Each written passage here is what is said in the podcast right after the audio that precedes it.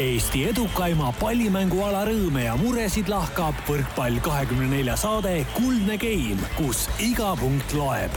taustajõuna hoiab mängul hoogus ees Kredit kakskümmend neli tere, head kuulajad, on neljapäev, kahekümne kaheksas oktoober ja eetrisse läheb Kuldse Game'i saja seitsmeteistkümnes osa. Eesti vanasõna ütleb, et kus plokiviga näed laita, seal mine ja aita ning sellest põhimõttest lähtuvalt on täna Karin Aldo kõrval taas meie Meelisala murede ja rõõmude üle arutamas mees, kes teab, et ka jalgpallis on kõige tähtsamaid hetki otsustatud Maradona ja Suarese näitel ikka käe, mitte jalaga. ehk tere, Mihkel Uiboleht. tere, tere no on ju nii, et ega tegelikult ühest, äh, ühel heal spordialal ilma käteta ei saa hakkama. no muidugi, väravahid on väga olulised mängijad. Äh, jah, Maradona ja Suarez, kumb neist väravat oli? no Karl-Jakob Hein ma soovitaks nagu vaadata sinnapoole ikka. selge, sa ei ole võrkpalliusku veel täielikult pööranud, sa oled? ma olen alati öelnud, et võrkpall on mu esimene armastus olnud selle juurde ma jään, et aga, aga me teame, et esimene armastus ei pruugi alati abieluni viia ja kõik siuksed muud asjad, et, et elu, elu, elu. kas Jalgpalliliidust on tulnud juba sellised märkused, oled sa kollaseid kaarte sealt ka juba saanud, et millega sa tegeled? ei, ikka, see on mu vabast ajast, et ma võtan ausalt vabad tunnid, et see on täitsa sihuke mõnus äh, hobi, et koht, kus sa, ma ei ütle, et ei pea sõnu valima, sest ma ikkagi ju äh, mõtlen ja, ja valin, eriti sellises äh, seltskonnas nagu sinu seltskonnas peab alati sõnu valima. aga, aga see on ikkagi ju noh, teine, see on, see on teine asi, siin sa ei ole nii-öelda äh, töises rollis, et see on selline natuke teistsugune pilk Mihkli suunas on tulnud kiitusi, ma ei ole isegi kõiki, ma ütlen ausalt kuulajatele, ma ei ole kõiki Mihklile isegi edastanud, sest äh, muidu äkki ongi nii, et Rivoga. ma hakkan honorari küsima muidu sa hakkad honorari küsima, sa teed äh, reedeti, hakkad tegema näiteks Rivoga eraldi mingit saadet veel. jah, meil tuleb võrkpall kakskümmend viis pluss seda tohib siis kuulata ainult kaheksakümmend viis pluss vanuses? jaa, selleks on vaja vanemate luba. selge aga et Rivo Vesik liugleb lainete sees ja puhkab soolases vees neil päevil, siis oleme toonud äh, täna temale väärt asendaja, kellega saab samuti rääkida ikka võrkpallijuttu, ent tavapärasest veidi teise nurga alt. ütleme tere Mati Meriranna ja Ivan Tratšovi hoolealusele kunagisele treenerile ja rahvusvahelise kategooria kohtunikule ning tänasele Eesti kohtunike toimkonna esimehele Tiit Kõivule. Tere, Tiit! tere, tere! kas sa tead, et äh, samanimeline naerutaja on ka Eestis olemas?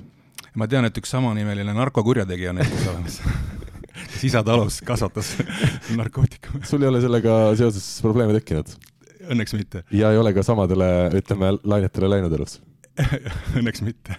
Äh, ütle esiteks, ähm, kuidas sinul täna käsi käib, kas see kohtuniku töö ja kohtunike toimkonna esimees on, ütleme, võrkpallialaselt see põhiasi, millega sa tegeled? kindlasti mitte, see on ikka vabatahtlik aga ma mõtlengi, et, et ma tean, et sul on ju põhitöö, eks ole, mida sa teed äh, hommikust õhtuni igapäevaselt. jaa, ikka. aga kas kohtunikud ongi kõik täna Eestis ikkagi sellised nagu sina, et teevad oma tööpäeva ära ja siis õhtuti käivad vilistamas ja ütleme, võrkpalliasju ajamas? täiesti selgelt, siin ongi osadel probleem, et äh, nädala sees toimuvatele mängudele jõuda, et äh, ikka tööpäev tuleb lõpuni teha selge, me jõuame täna kohtunike ülesannetest, Eesti kohtunike hetkeseisust ja kõigest muust sellega seonduvast rääkida. aga Mihkel, me oleme otsustanud, et me tänast saadet alustame äh, koroonapiirangutest rääkimisega, kuna jalgpallis on olnud päris huvitav huvitav, ütleme, uudistelaine. esmalt siis ma tean, et te otsustasite, et kõige kõrgem liiga ehk see premium-liiga Eestis saab jätkata ja saavad rahvaliiga mängud jätkuda. aga nüüd eile vist tuli uudis, et ikkagi esiliiga mängitakse lõpuni, et äh, ole hea, selgita natukene just seda riiklikku poolt, et, äh, et palju on nüüd siis ette kirjutatud ja miks teie olete oma valikut teinud nii, nagu te olete? Ja eks see olukord on noh, puudutab muidugi kõiki spordialasid, selles mõttes on ta hästi universaalne ja noh, nüüd äh, alates esmaspäevast on olukord hästi lihtne. oled vaktsineeritud või viimase kuue kuu jooksul läbi põdenud äh, koroonaviiruse, siis äh, saad osaleda kõikides tegevustes nüüd erisus on kõrgliigadele, ehk siis äh, on see siis naiste meistriliiga, meeste kõrgliiga või. seal ei ole vahet, kui professionaalne see kõrgliiga on. just, seal ei ole vahet, kui professionaalne ta on, et kõrgliigadel on igal juhul erisus ja mõte selles, et äh, riik on pannud ette, et kõrgliigad igal juhul saaksid jätkuda, ehk siis kui kõrgliigades on mõni mängija või ka, või ka muu asjaosaline vaktsineerimata, siis peab tegema see klubi riskianalüüsi.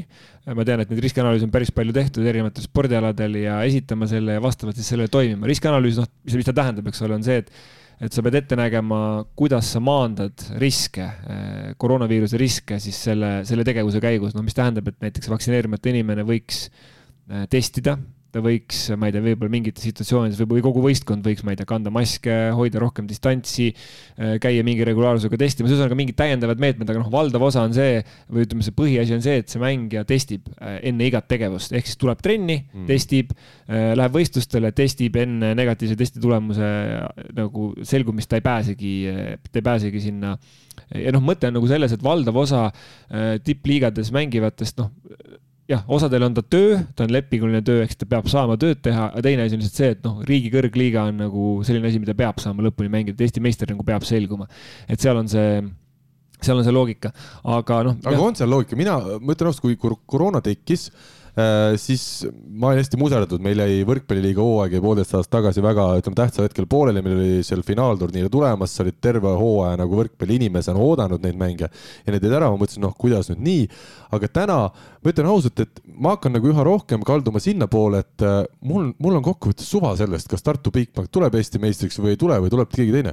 mul on nagu tähtis see, et inimesed saaksid haiglas äh, ravi ja, ja me ei kaotaks inimesi põhjused, et mul hakkab varsti nagu olema täitsa suva juba sellest, kas me me saame kuskil palju mängida või mitte. jaa, täitsa nõus sinuga, sest et see, minu arust see pinge on nagu, et kerinud, kerinud, kerinud, eh, noh, ühiskonnas, et väsimus on ju absoluutselt kõigil, et eh, kui nüüd nagu analüüsida, miks on ühelt poolt, miks on piirangud ja miks on selline nagu noh, ehm, võib-olla inimeste närvilisus nii piirangute poolt kui piirangute vastu, siis eks see tuleb ikkagi, kui me hästi inimlikult võtame, see tuleb ju ikkagi sellest, et inimesed on lihtsalt väsinud, nad tahavad elada normaalset elu ja nüüd ongi, et mis on keegi oma peas äh, või, või sõprade abiga välja mõelnud, äh, et mis see tee sinna piirangute äh, noh, ütleme normaalse elu juurde tagasi on, et on inimesi, kes on mõelnud ühtemoodi, on inimesi, kes on mõelnud teistmoodi, et me teame, mis ütlevad teadlased ja arstid ja noh, see on kõik, see on kõik nagu selge, aga lihtsalt inimlikult on see, et paljud on lihtsalt nii väsinud sellest. Ja nagu sa ütlesid, et, et see närv läheb nagu mustaks lõpuks ja noh, kes siis kuidas seda nagu väljendab, aga noh jaa, ei, see ongi kaalutluskoht, näiteks noh, Läti näide on see, et, et sa panedki ka tippspordi kinni äh, ühel hetkel, kui sa tekitad eriolukorra, et noh, selle esimese koroonalaine ajal oli ju, me olime kõik kinni äh, ja ega ma ei, noh, ei saa ju välistada, et ka nüüd Eestis läheb asi lõpuks nii hulluks, et tuleb ka need kõrgliigad kinni panna. jah, sest see on praeguse hetke otsus, eks ja, ole. Praegused otsused. võib iga nädal oma otsust, eks ole, jälle muuta ja teha jätku täiendavat. eks loomulikult nagu tervis ennekõike, et me ei saa siin öelda, et, et me peame nui neljaks saama spordiga lõpuni tegeleda, et kui ikkagi olukord on juba noh, nii katastroofiline, et Eestis näiteks eriolukord välja kuulutatakse, et noh, siis on ju selge, et pannakse kinni kõik alates noh, meelelahutusest kuni spordini või kõik noh, kultuur, kõik nii edasi.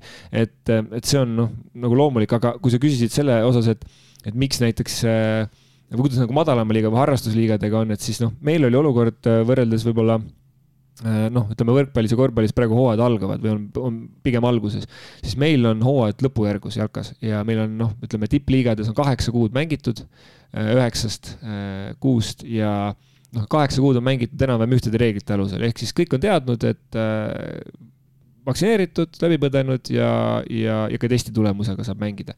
nüüd riik tegi sellise otsuse, noh mis on arusaadav, miks nad selle tegid ja, ja kuidas, kuidas, kuidas selleni see kõik jõudis. aga noh, on ka samamoodi nii-öelda, kuidas öelda, ju, ju, ju mõistetav, et paljud mängijad, kes olid senimaani testinud ja nüüd mängida ei saa, et see loob nagu sportlikult ebavõrdse olukorra, et jättes kõrvale kõik eh, muud asjad, et me ei ole ju jalgpalliliiduna näiteks terviseorganisatsioon, et me ei, me ei hakka nii-öelda inimese eh, inimese tervist juhtima ja suunama, me peame hoidma seda nagu jalgpallikogukonda Äh, nagu ühtsena ja loomulikult, kui uus hooaeg tuleb peale, mis meil algab märtsis, siis on need samasugused äh, noh, piirangud või samasugused sellised juhised riigi poolt jätkuvad, ega on selge, et ega me hooaega ju ära ei jäta, me ikkagi mängime, nii nagu näiteks saali jalgpallis algab sel nädalal, algab esiliiga hooaeg. ka üheksa võistkonda, kõik on, kõik osalevad, kes alguses plaanis osaleda, ehk siis noh, mis ma tahangi öelda, et nagu et selle kõige juures, selle niisuguse nagu emotsioonide ja rahulolematuse ja nagu lahenduste otsimise juures ei tohi nagu ära unustada, et me peame ka ikkagi sellist nagu sportlikku noh, ausat mängu nagu taga ajama, et noh, kui kaks võistkonda võitlevad eh, näiteks esiliiga võidu pärast, mis annab pääsu pere, noh, premium-liigasse jalgpalli näitel ja seal on noh, hoopis teised sportlikud tähendused ja ka majanduslikud tähendused, et me ei saa nagu ühelt võistkonnalt seda niimoodi eh, noh, ette teatamata nagu ära võtta, et, et see on võib-olla see, et kuna me oleme hoidnud siukest nagu neutraalset joont, siis loomulikult toob see ka sellist noh, nagu kriitikat, äh, potentsiaalset kriitikat või nagu küsimusi. Te saite ikka kõvasti kritiseerida, kui see uudis välja tuli. ja, aga, aga noh, eks seda peabki nagu selgitama, et ma ütlesin selle ka ajakirjanikele, et, et noh, et teate, et ma saan aru, et käib selline teatav noh ütleme, süüdlaste otsimine, et miks on, miks me oleme Eestis sellises olukorras, aga noh, et, et ma arvan, et nagu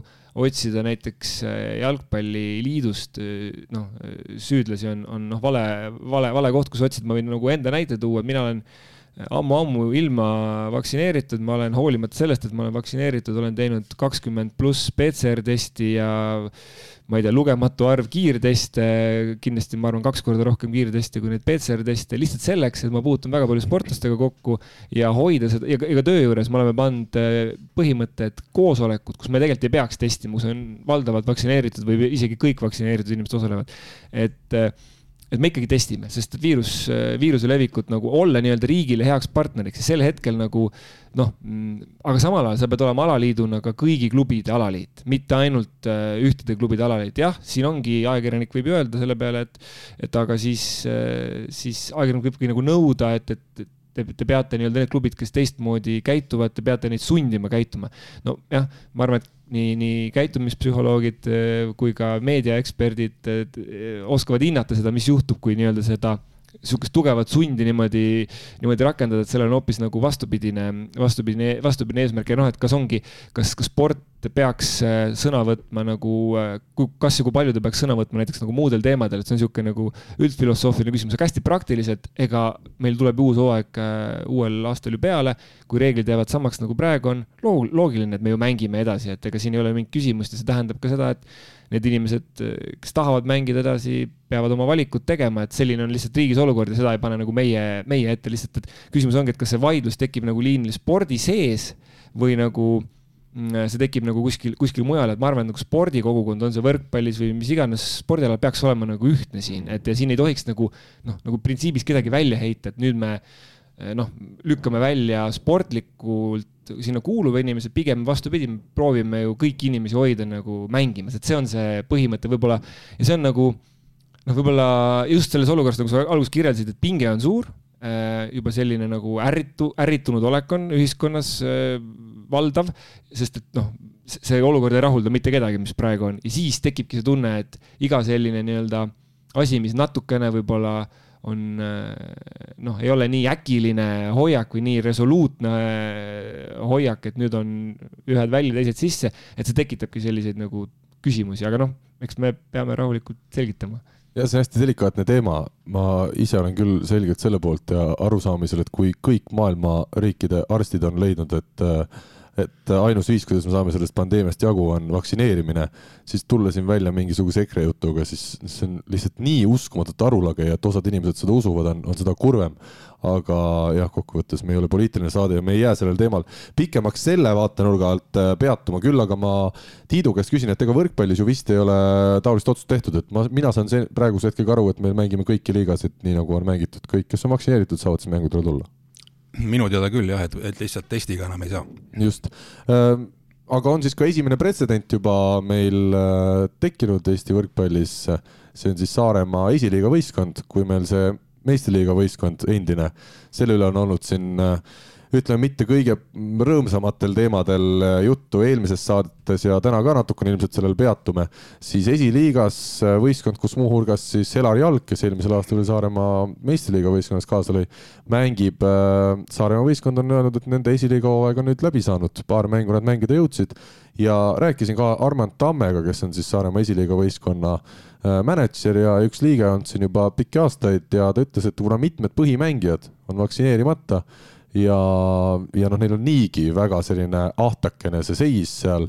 ta ise ütleb ja kasutas väga palju sõna ääremaastumine, et ikkagi noored lähevad Saaremaalt ära, tagasi tulevad väga vähesed ja, ja need, kes seal Saaremaal on, on kuidagi tema hinnangul vähemalt suhteliselt siuksed loiud ja ei, ja ei, ei ole ka väga huvitatud selle, ütleme tõsiselt spordiga tegelemisest, et, et Tamm ütles ka, et kui neil on ikkagi olnud siin paar aastat tagasi veel esiliiga pronksiklubi ja, ja sel aastal tahtis ka play-off'i eest mängida, et siis päris jääda seal kuue mehega mängima ja, ja viimaste kohtade eest, et see, see ei oleks enam õige ja hea ja ei oleks ka aus teiste suhtes et täna on meil see olukord käes, kus esiliigas meil on siis üks võistkond vähem ja Saaremaad me mängimas ei näe. ja see on noh, hästi kurb, mina ütlengi, et eh, mis iganes põhjused on, lihtsalt kurb on sellest, kui keegi peab spordi tegemise katki jätma. arusaadav see on eri, erakordne olukord, mis meil ühiskonnas on, aga see ongi võib-olla asi, ma arvan, miks me kõik ihkame, et see olukord eh, nii-öelda normaliseeruks, et me saaksime tegeleda, mis iganes asja me tahame teha, aga spordis on, ma arvan, hästi oluline see, et kui tekib katkestus, siis harjumused muutuvad inimestel ja seda tagasi tuua inimesi spordi juurde, kui sul katkestus on tekkinud, noh, tänapäeval, noh, niigi me oleme rääkinud siin saates ka, sport võistleb eh, miljoni asjaga, mis on nutiekraanidel kus iganes. et lihtsalt see, see harjumus ja just ka selle võistkonna olemasolu, et noh, need eestvedajad nagu võivad ka, ah, ütleme li,, kui lihtne on loobuda ja kui keeruline on tagasi tulla, et see on see, see kahju, jättes kõrvale igasugused muud tervise nii-öelda meditsiinilised küsimused, lihtsalt noh, inimlikult on kahju. ja ega vist äh meil ei ole lõplikku teadmist täna, mis saab edasi selles suhtes, et kas selliseid klubisid võib veel tulla, nagu ma olen aru saanud, siis noh, meistriliiga meeskonnad, naiskonnad jätkavad mängimist nii, nagu nad on seni mänginud, siin ei ole küsimust ja Mihkel on juba ka selgitanud seda olukorda. esiliigas meestest ma teangi jah, et siis on see Saaremaa, nagu me kõik teame juba, see on avalik see uudis, aga rohkem tundub vähemalt esialgu, et esiliigast ei ole loobujaid tulemas. seal on noh, ütleme võib-olla üks lisandus on see, et eks ole, alla kaheksateist aastased praegu saavad osaleda tänu nii-öelda oma vanusele, et nad ei pea olema vaktsineeritud, aga noh, see võib ka aja jooksul vaikselt muutuda, ehk siis see võib ka tuua ju noh, täiendavaid siukesi noh, turbulentse ühel hetkel sisse ja ega me ei tea lõpuni, kui olukord läheb riigis äh, ikkagi tervisealal kehvemaks, no siis on ju selge, et tulevad ka spordile täiendavad piirangud ja võib-olla noh, piiratakse ka vaktsineeritute äh, noh, siis, siis osalemist, et noh, see on, eks see sõltub ju äh, nende voodi, ütleme haigla voodikohtade arvust põhimõtteliselt ja eks siis noh, valmis tuleb olla kõigeks ja, ja ma arvan, et noh, mida me saame teha, mis on täiesti nii-öelda, nagu sa ütlesid, me oleme apoliitiline saade, aga et me saame täiesti apoliitiliselt soovida kõikidele meditsiinitöötajatele kõva, kõva jõudu ja, ja, ja nii-öelda saata, saata, saata neile kõik, kõike head, sest see on noh, see on metsik koormus ja metsik töö, mis nad ja noh, ka võrkpallurite hulgas on ju päris palju äh, arste, kes kes, kes, kes ilmselt seal koroonarindel moel või teisel tegutsevad, nii et see on, see on üks väga-väga karm ja raske töö. aga läheme edasi, kuna meil täna teemasid jagub.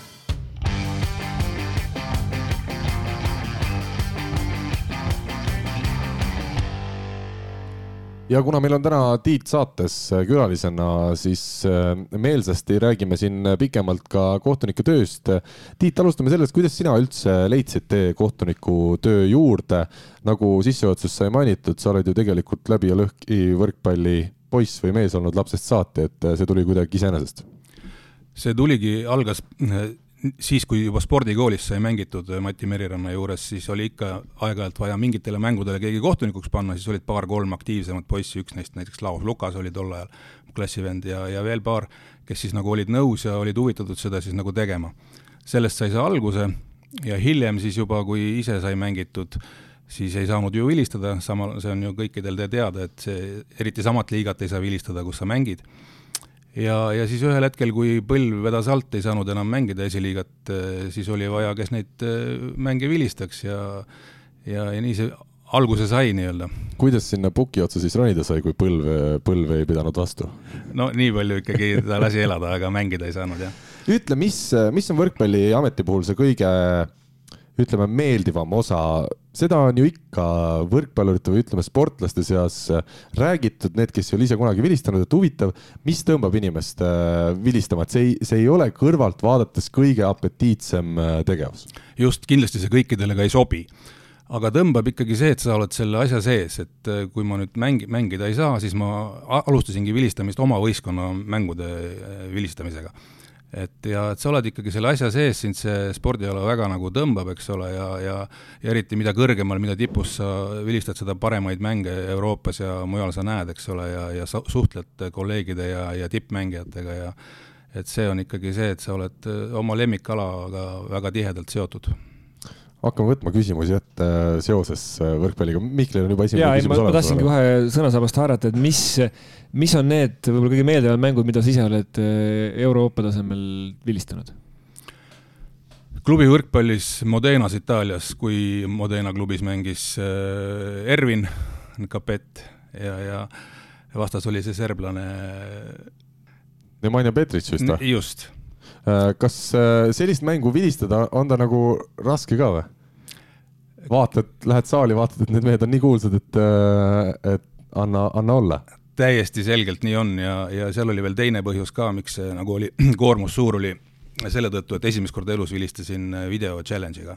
Ja Itaalia liiga on ju harjunud selle video challenge'iga, treenerid, mängijad, kõik on sellega väga nagu, väga hästi harjunud ja, ja oskavad seda väga noh, õigesti kasutada ja ja, ja minu kohtuniku jaoks oli see esimene, esimene kord ja selle tõttu oli, oli mitme, mitmekordne selline pinge see on, see on, ma jällegi jätkan siit kohe, võtan sõnasabast kinni, et sa mainisid seda video challenge'it, et kas kas see on nagu koht, kuidas sa kohtunikuna tunnetad, et kas see on sinu jaoks selline hea abimees või, või on, või on niisugune nagu kehv tunne ka, et okei okay,, et ma nüüd eksisin, kui, kui seal parandatakse sinu, sinu otsust?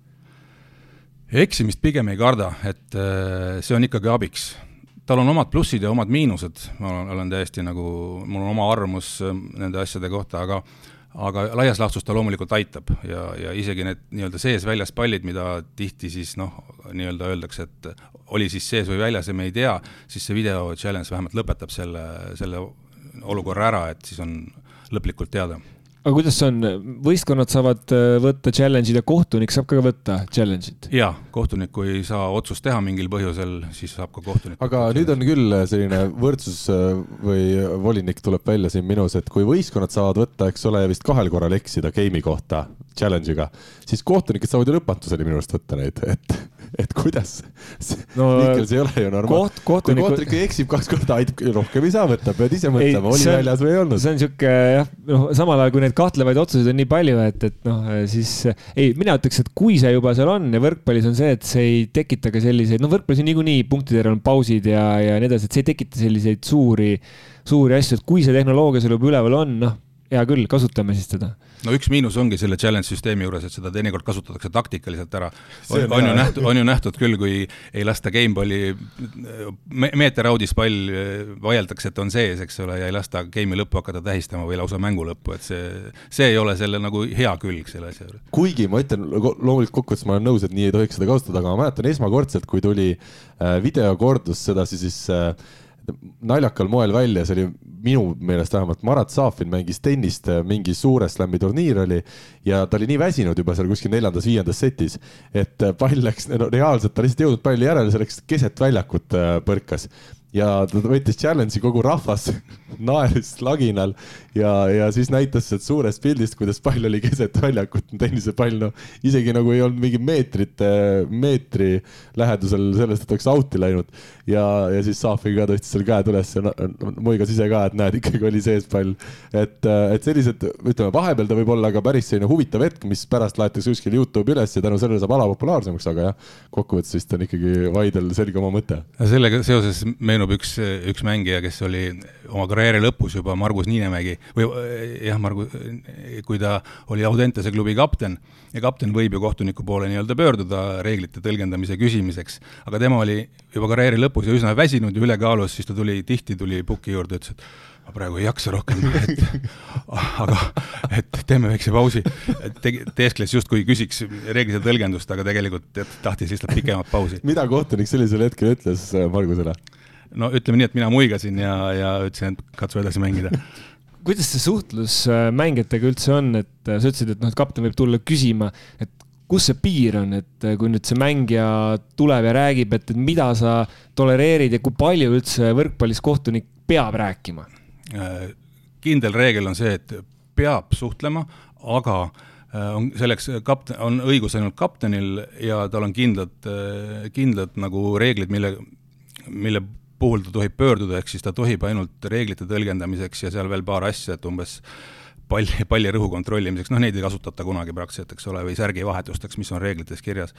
aga põhiline on reeglite tõlgendus, aga aetakse tihti segamini see, et sees-väljas pallide puhul tullakse seal nii-öelda nõu andma või, või lausa vaidlema ja, ja, ja igasuguste kätepuudete ja võrgupuudete puhul, mida tegelikult ei ole õigust tulla arutama, et selle puhul tulebki, peabki kohtunik olema konkreetne esimesel korral, ütlema talle kohe ära, et see ei ole aktsepteeritav ja kui sa järgmine kord tuled, siis paraku tuleb mul näidata kollast kaarti. Just ühes saates siin me rääkisime ka, et mulle kui noh, nii-öelda jälgijale, mängude vaatajale saalis ja, ja teleri vahendusel, et mul on nagu jäänud mulje nagu mingil hetkel see kohtuniku poole pöördumine sai hästi kiiresti karistatud kollasega. ja samas viimastel aastatel mul on pigem jäänud mulje, et võib-olla natuke rohkem ollakse aldis kohtunike poolt rääkima, et kas see, kas see tähelepanek on õige, kas on reeglites mingisugune muudatus toimunud või see on lihtsalt minu peas olnud? selles mõttes on tähelepane, tähelepanek õige, aga reeglid ei ole muutunud. tähelepanek on ilmselt tingitud sellest, et äh, ongi persoonid erinevad nii mängijad platsil erineva emotsionaalsusega ja erinevas mängus käitutakse erinevalt ja ka kohtunikud on persoonid, kes siis võtavad seda asja vastu erinevalt. tegelikult on ju-, juhis nagu kõigile üks, et äh, teatud piirini saab lasta emotsionaalsusel äh, seal väljakul välja paista ja, ja, ja ja tohib ka suhelda teatud piirini ja teatud asjade puhul, aga, aga seda ei tohi lasta nagu üle võlli ja kindlasti ei tohi ära saata kohe, et ei võta jutule või siis äh, kohe kaarti anda, et see, see ei ole kindlasti õige. ma räägiks selle Modena mängu lõpuni, kuidas, äh, kas kohtunikuna see mäng õnnestus, seal mingeid suuri küsimusi ei tekkinud? Äh, sa olid esimene nii, kohtunik? ma olin esimene kohtunik, nii detailselt ei, ei mäleta, mis seal oli, aga seal oli üks just selle video challenge'iga seoses oli tegelikult Itaalias on natuke teine süsteem kui Euroopa siis liigades ja Euroopa meistrivõistlustel. et nendel on seal natuke rohkem lubatud küsida ja, ja kuna neil piirikohtunikke üldse ei ole Itaalias juba võib-olla liialdan, aga vist kümme aastat ei kasutata üldse piirikohtunikke, kõik käibki läbi video, video challenge'i ja siis teil vist eelmises või mingis saates oli ka juttu piirikohtunike kogemuste koha pealt ja ja Itaalias mehed tulidki, kes polnud viis aastat üldse piiri peal käinud, eks ole, sest nendel lihtsalt ei ole seda, sellist funktsiooni nagu piirikohtunik. aga seal oli siis challenge'iga mingisugune teema, et Itaalia treener, kes äh, oli harjunud neid challenge eid võtma oma liigas, võttis ka sellise, tahtis sellist challenge'it nagu võtta, mida tegelikult meil ei, ei, ei saanud võtta, ehk siis ähm, meil tohib võtta challenge'i ainult viimase action'i kohta, ehk siis, et siis, et siis kui see viimane palli, noh, mis toimus nagu vi viimasena. aga see, et kui mees servib äh, ja astub servides joone peale, ja siis läheb mäng edasi ja pall lüüakse out'i ja siis treener ütleb, et ma tahan challenge'it, et, et mees astus servides jo otsa joonele, siis see ei ole nagu lubatud, eks ole. et selliseid asju seal oli paaril korral, kui ta nagu tahtis challenge'it äh, valel hetkel saada, aga siis noh, karistama ka ei hakatud, sellepärast et noh, tema oli nii harjunud, on ju, ja kuidas see challenge'i küsimine käib, sa pead siis nagu ütleme noh, ma ei tea, mulle tundub, et vastane oli võrgus, kohtunik ei märganud, ma pean kohe andma mingisuguse märgu, märguande? Kui sa palli mängimise, enne palli mängimise lõppemist tahad seda nii-öelda küsida, et sa oled ja pall, no ütleme, kohtunik ei märganud võrgupuudet, palli mängimine läks edasi ja sa kohe vajutad seda, on ju, siis see katkestab palli mängimise aga tavaliselt on ikkagi siis, kui palli mängimine on lõppenud, seda viimast, viimast seda situatsiooni küsitakse sul on siis puki sees mingisugune tahvel, arvuti? ei, treener saad..., abitreener üldjuhul siis peab vajutama ah. tahvli peale seda challenge'i nõuet, ma noh, viimasel ajal tundub, et see on pisut leebemaks läinud, aga varem oli see, et täpselt sa võid kindlate sekundite jooksul Äh, seda vajutama ja kui sa seda ei jõudnud teha, siis sa ei saanud seda challenge'it, aga noh. ehk siis ütleme, abitreener peab vähe ikka kiirem või teravam poiss olema tänasel päeval. see peab koostöö, koostöö peab olema treeneriga ja, ja, ja muu personaliga, et seal ka kindlasti statistikud saavad anda ju kõrva kellelegi mingit nõu ja. mina mõtlen, et see võikski olla võib-olla IT-mees, et kui on peatreener ise saab trennide läbiviimisega hakkama hästi, et siis võikski teine treener olla pigem selline, kellel on arvutid, noh, kõik on ees, kõik on olemas, statistika, IT-abi, tõesti ta teab, mis nuppe, mis hetkel vajutada. jah, ta on nagu justkui füüsiliselt saalis, aga ta valdavalt tegelikult vaatab ekraani ainult sisuliselt. ja muudab üks... ka, võib-olla ta saab häkkida kuidagi sinna selle videokorduste kohtunike arvutisse ja näidata seal mingeid oma lemmikmultikaid võib-olla. aga, aga sul peakohtunik, sul, sul on ees mingi, ma olen vähemalt näinud, et, et on äh, tahvelarvutid, äh, vähemalt abikohtunik või alumistel kohtunikel on siis ees, et kas sul pukis on ka? ja ikka esimesel, teisel kohtunikul mõlemal on, on see tahvelarvuti ees, seda on väga hea on asetust jälgida. ma mõtlengi, et seal peal on asetus ja kas seal tuleb siis äh, challenge info ka sinna peale? Challenge info, meil ju ei ole seda, eks ole, et ja. challenge info nüüd Äh, ma ei mäleta, äh, ei tohiks tulla sinna, aga seal on siis time-out'id, vahetuste arv ja seis ja, ja siis asetused. sa mainisid asetust, mul on ka, noh, vaatasin kasvõi siin äh, viimati naisteliiga mängu Tallinna Ülikooli ja, ja Rae spordikooli vahel ja. mis ja, sa toetajaid ei maini? Mihkel sa mõtled, aa. Kikas. Kikas, selge. ja Viaston oli vist selge, ka. selge, väga hea, aga selleks oled sina meil et.... võistkonna nimed tuleb kindlasti korrektselt ja, välja öelda terve, terves pikkuses et.... kohtunik teab, õige. Äh, selleks on tavaliselt muidugi äh, sekretär, kes, kes ütleb neid, kui rivistus on. aga ühesõnaga seda mängu vaadates ma mõtlesin samamoodi, et noh, seal oli ka siuksed, vähemalt vist üks asetusviga oli, mida Risto Strandson nagu ära, ära fikseeris. ma just mõtlesin ka sellel hetkel, ma olen ka varem korduvalt mõelnud, et, et kuidas kohtunikud, noh, ma ei räägi sellest nüüd tahvelarvutist, eks ole, et meil Eestis ei ole eriti naiste meistriliigas äh, seda, seda võimalust, aga et kuidas te peate seda asetust meeles või on teil mingi süsteem, et noh, et, et, et see lõpuks, sul on kaks võistkonda sa pead nagu mõlemad meeles pidama ja see on nagu üks väike osa ju su tööst, ainult see on, sa pead kõike muud ka haldama. ja on, on süsteem, on äh, erinevaid süsteeme ja on ka tahvelarvuti abiks, aga meil on legendaarne Mati Koorep, kes ise reaalselt õppiski pähe asetused ja ta suutis mõlemad, mõlema võistkonna asetused jätta meelde. ja ta meid, ka meid koolitas selle nimel, et me õpiksime need pähe. aga see tegelikult ei ole väga nagu noh, ei ole eriti hea variant selles mõttes, et see on päris keeruline.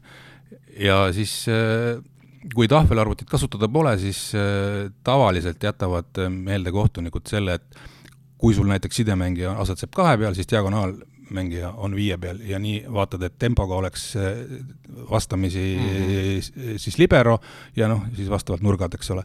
et Eesti liigas on seda nagu lihtsam kasutada, sest mängijad on üldjuhul tuttavad ja kui ma näen, et sidemängija on kolme peal, Renet Vanker, eks ole, eelmisel hooajal ja teie üks kaassaatejuhte siin äh, härra Teppan oli tihti siis viie, asetas siis viie peal, et äh, siis tuli päris mitu korda seda ära vilistada, sest et sa näed, et ta on vale koha peal.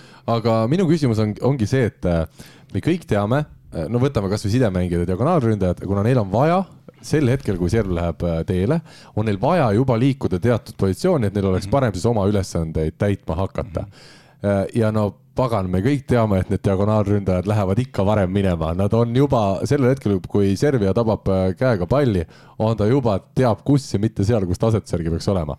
Äh, kuidas nüüd kohtunikele õpetatakse, millistel hetkedel peab neid asju ära võtma ja kuidas see kõik toimuma peab? siiamaani on olnud jah, see asetuse fikseerimine karmim ja peab, peab siis nagu see mängija, kes teisest mööda liigub, olema algselt öö, oma positsioonil ja mitte temast mööduma, eks. ja jalalabade asetust vaadatakse. aga nüüd on siis need reegli uuendused, kus siis nagu ta võib juba peaaegu möödas olla, kui osa tema jalast on veel siis jalalabast, eks ole, on siis veel selle teise mängija jalgadega siis seal kohakuti, eks ole, et ta, ta, ta ei tohi täielikult mööda olla aga ütleme reaalselt juba ammu, kas või seesama Modena mäng, kus, kus Capet mängis, tõesti ta alu-, alustas jalutamist juba ennem seda, kui pall serviks üles visati, siis oligi mul ka kerge šokk, et mis ma nüüd tegema pean. aga kuna, kuna terve Euroopa mängib niimoodi, eks ole, siis tähtis on meie jaoks see, et see mängija asetseb enne servi oma õigel positsioonil et ta, kui ta algselt, nagu ma tõin näite, et Teppan oligi viie peal ja sidemängija kahe peal, eks ole, siis, siis on selge, et ta ei tea, kus ta asetseb ja ta on vale koha peal.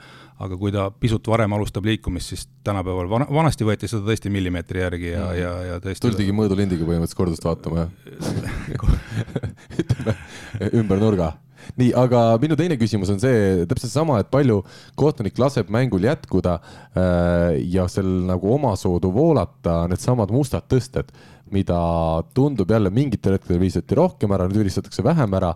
et eh, kas, kas on mingi selline üldine lähenemine ka kohtunike poolt või, või selles ametis, et kuidas, kuidas peaks käituma, kas äh, kas tähtis on see, et kohtunik jääks võimalikult tagaplaanile ja kui on isegi see natukene soe pall, siis jätkata sellel mängul või on tähtis ikkagi pidada kõikidest reeglitest täpselt kinni, ma tean, see on hästi sihuke subjektiivne ja raske teema, aga kuidas sina sellele kõigele otsa vaatad? ei, see kohtuniku seisukohalt see ei ole raske teema, selles mõttes nagu sa ise nimetasid, et see on soe pall, see on rahvalik, rahvalik väljend, on ju, noh, kõik kasutame seda, aga kohtuniku jaoks on nagu kaks selget kriteeriumit, pall peab olema kas äh, hoitud ehk siis püütud ja visatud, mis te, teise puute puhul, mis ei ole lubatud, ka kolmanda puute puhul, ja, ja teine kriteerium on see, et ei tohi olla kahte eraldi puudet, ehk siis üks käsi puutub ennem, teine puutub ennem. no aga me kõik teame seda, et kui sidemängija teeb mu vähegi musta puute, siis vilistatakse ära, kui teeb te temporündes, vaadatakse, noh, las olla, mängime edasi. kindlasti nii ei ole, see ei ole, ei ole kindlasti nii,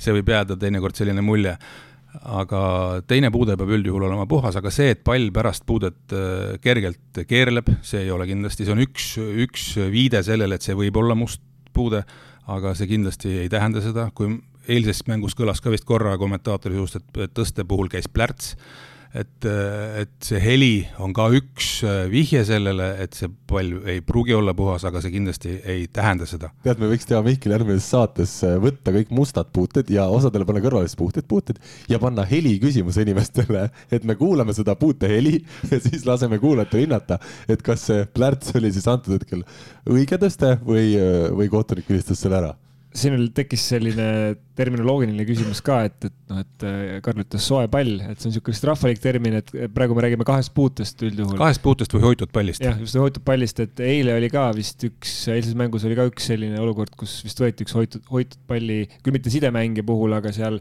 keegi sellise lahtise käega ait-, hakkas alt üles aitama, see on, see on ka, eks ole, siis hoitud pall see kõik jällegi sõltub täpselt, see kohtunik peab seda hindama, et äh, kui on ikka raske kaitsepall, äh, noh siis jällegi sellesama äh, mängu huvides, et mäng oleks huvitav ja jätkuks tegelikult nagu see slogangi ütleb, et keep the ball flying, eks ole mm -hmm., et hoia pall mängus.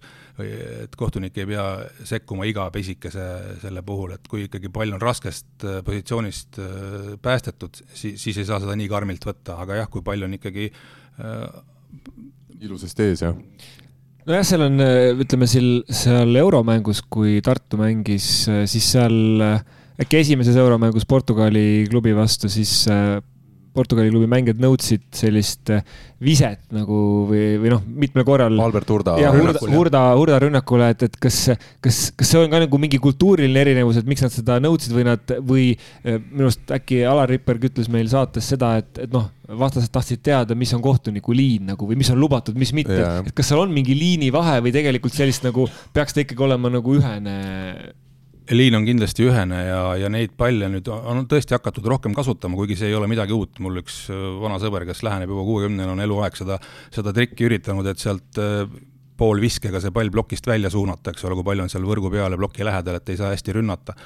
et seda meil on jah, siin ka Kristo Kolloja, kes meil on seda harrastanud seal nurgaründajatena, seda palli välja suunata plokist, aga kui see, kui see pall on ikkagi, jääb kauaks kätte, siis on ta ikkagi hoitud pall ja, ja see noh, justkui kõlakas on siin lahti läinud, et see nii, niinimetatud push ball, eks ole, et see on, see ei ole ametlik termin, see on, see on võisk-, või mängijate poolt äh, käibele lastud äh, termin, mis noh, iseenesest ei ole keelatud, aga ta on ikkagi, ikkagi peab kohtunik jälgima seda, kas see puude oli pikk, ehk siis hoitud palju ei olnud, et äh, enne olümpiat anti kindlad juhised, et need tuleb ära vilistada ja kui te nägite olümpial saali võrkpallimänge, siis ka üks inglisekeelne kommentaator ütles, et kes ilmselt oli asjaga kursis, mitte ei mõelnud ise välja, et kohtunikud on saanud kindlad juhised ja, ja need vilistatigi ära ja kohati tundis, et võib-olla isegi liiga karmilt vilistati need ära, aga sama, sama suund jätkus siin EM-il, ehk siis need, kes on nagu kõrgemal tasemel mänginud, need teavad, et, et ikkagi need vilistatakse ära, mitte et nüüd see ei sõltu kohtunikust tegelikult palju on sul endal tulnud kohtunikuna ette neid hetki, kus äh, ikkagi läheb väga tuliseks asi mängijatega, et äh, mängijad midagi nõuavad ja ei ole üldse rahul sellega, mis kohtunik on otsustanud? ju iga, iga otsus on ju selline, mida saab kahelt poolt vaadata, et üks võistkond saab punkti, tema on rahul, teine, teine ju ei ole rahul, eks ole, ja siis paraku on, juhtub ka neid hetki, kui kui see punkti kaotanud võistkond valab oma, oma, oma kelle peale siis veel, eks? ikka jah, ikka kohtuniku peale, aga ikkagi hästi palju sõltub kohtuniku persoonist, et ja see tuleb ikka aastatega, kui sind hakatakse nagu võtma, võtma nagu partnerina. mainisid, see tuleb aastatega, et kui, kui pikk see tee või see püramiid nagu on, ütleme kohtunikul siis või see, või need astmed, kui ma näiteks täna kirjutan äh, Tiit Kõivule ja ütlen, et ma tahaks tulla kohtunike kursustele, siis, siis mis minuga edasi saab ja millal ma võin rahvusvahelise kategooria saada, kui ma väga tubli olen? jaa, väga hea. no oota, ma vastan tulla. ise ära, et Mihkel, ma olen rahvusvahelist kategooriat, see, seda ei juhtu kunagi, ükskõik. ma ei tea, kui vana sa oled, aga, aga. kolmkümmend neli hetkel. siis, siis sa väga napilt jõuad, sest mina alustasin umbes ka kolmekümne kaheselt ja, ja, ja ei, enne neljakümne, enne neljakümnendat peab kursus. mul on, mul on üks, mul on üks see, ma olen mõned mängud oma elus vilistanud, et ma mäletan ühte noorte, ma ei mäleta, kas see oli noh, ammu-ammu mingi noorte mäng äh, Tartus, kus Rait Rikberg oli ühe võistkonna treener veel muuseas ja ta ei olnud rahul, kui, kui ma seal teatud asjad ära vilistasin, nii et, et see oli nagu sellised väga põnevad kogemused ja noh, noorteturniiridel kunagi ise siis noor, noormängijana olen veel nooremaid vilistanud, nii et mõned siuksed üksikud kogemused on olemas. nii, nali naljaks, mis see siis tegelik vastus on? aga tegelikult on siis niimoodi, et sa, väga hea, et on huvi on ju selle vastu, siis sa tuled kursusele Äh, saad äh, teoreetilise pagasi. kursus maksab midagi ka? üldjuhul mitte. selge. ja siis sa saad äh, teoreetilise pagasi, mida siis pead ise edasi arendama, eks ole, ja veel kolleegidelt saama pidevalt nõu ja hakkama praktikaga tegelema, et siis see tegelikult mängutunnetus on hästi oluline, et ainult reeglite, paljas reeglite tundmine ei tee veel head kohtunikku ja ainult mängutunnetusega, kui sa reegleid ei tea põhjalikult ja nende reeglite juurde käivaid juhiseid ja, ja juhtumite, juhtumite raamatuga pole tuttav, on ju, siis, siis on keeruline. ehk siis see peab olema kombo sellest headest reeglite teadmisest ja mängutunnetusest ja, ja siis ka lisaks kogemus ja siis Eesti, Eesti puhul ongi paar aastat oled sa selle kõige madalama nii-öelda kategooria kohtunik, kuni jõuad siis rahvuskategooria kohtunikuni, selleks võib minna viis-kuus aastat ja, ja, siis, ja kiiremini ei saagi või? on loomulikult juhis ju,, juhuseid, eks ole, kui on tõesti, läheb kiiremini, ka minul, ka minul läks kiiremini mm. -hmm. ma just tahtsin öelda, kui sa kolmkümmend kaks alustasid, et millal sa Läksingi kolmekümne üheksaselt läksin kursusele, sa pead olema kursuse esimesel päeval alla neljakümne aastane, eks ole, et see on siis rahvusvahelise kursuse? ehk siis seitsme aastaga õnnestus sul eh, põhimõtteliselt, noh, sul on loomulikult väga tugev võrkpallitaust, aga ütleme, et et väga tugeva võrkpallitaustaga inimene, seitsme aastaga õnnestus tal jõuda kohtunikuna põhimõtteliselt nullist rahvusvahelise kategooria. üheksakümmend üheksa tegin Eestis esimese koolituse ja kaks tuhat kuus läbisin rahvusvahelise kategooria kursuse, aga ma ei saa mainimata jätta seda, et kui ma läksin nii-öelda oma arust täitsa okei okay mängija ja kogemuse ja, ja muidu tunnetusega ja ka teadsin oma teada reegleid, siis läksin esimest korda ikkagi kursusele ilma reegleid läbi lugemata ja ma sain testis miinimumpunktid, aga ühesõnaga ma ei saanud miinimum seda nii-öelda täis, eks ole.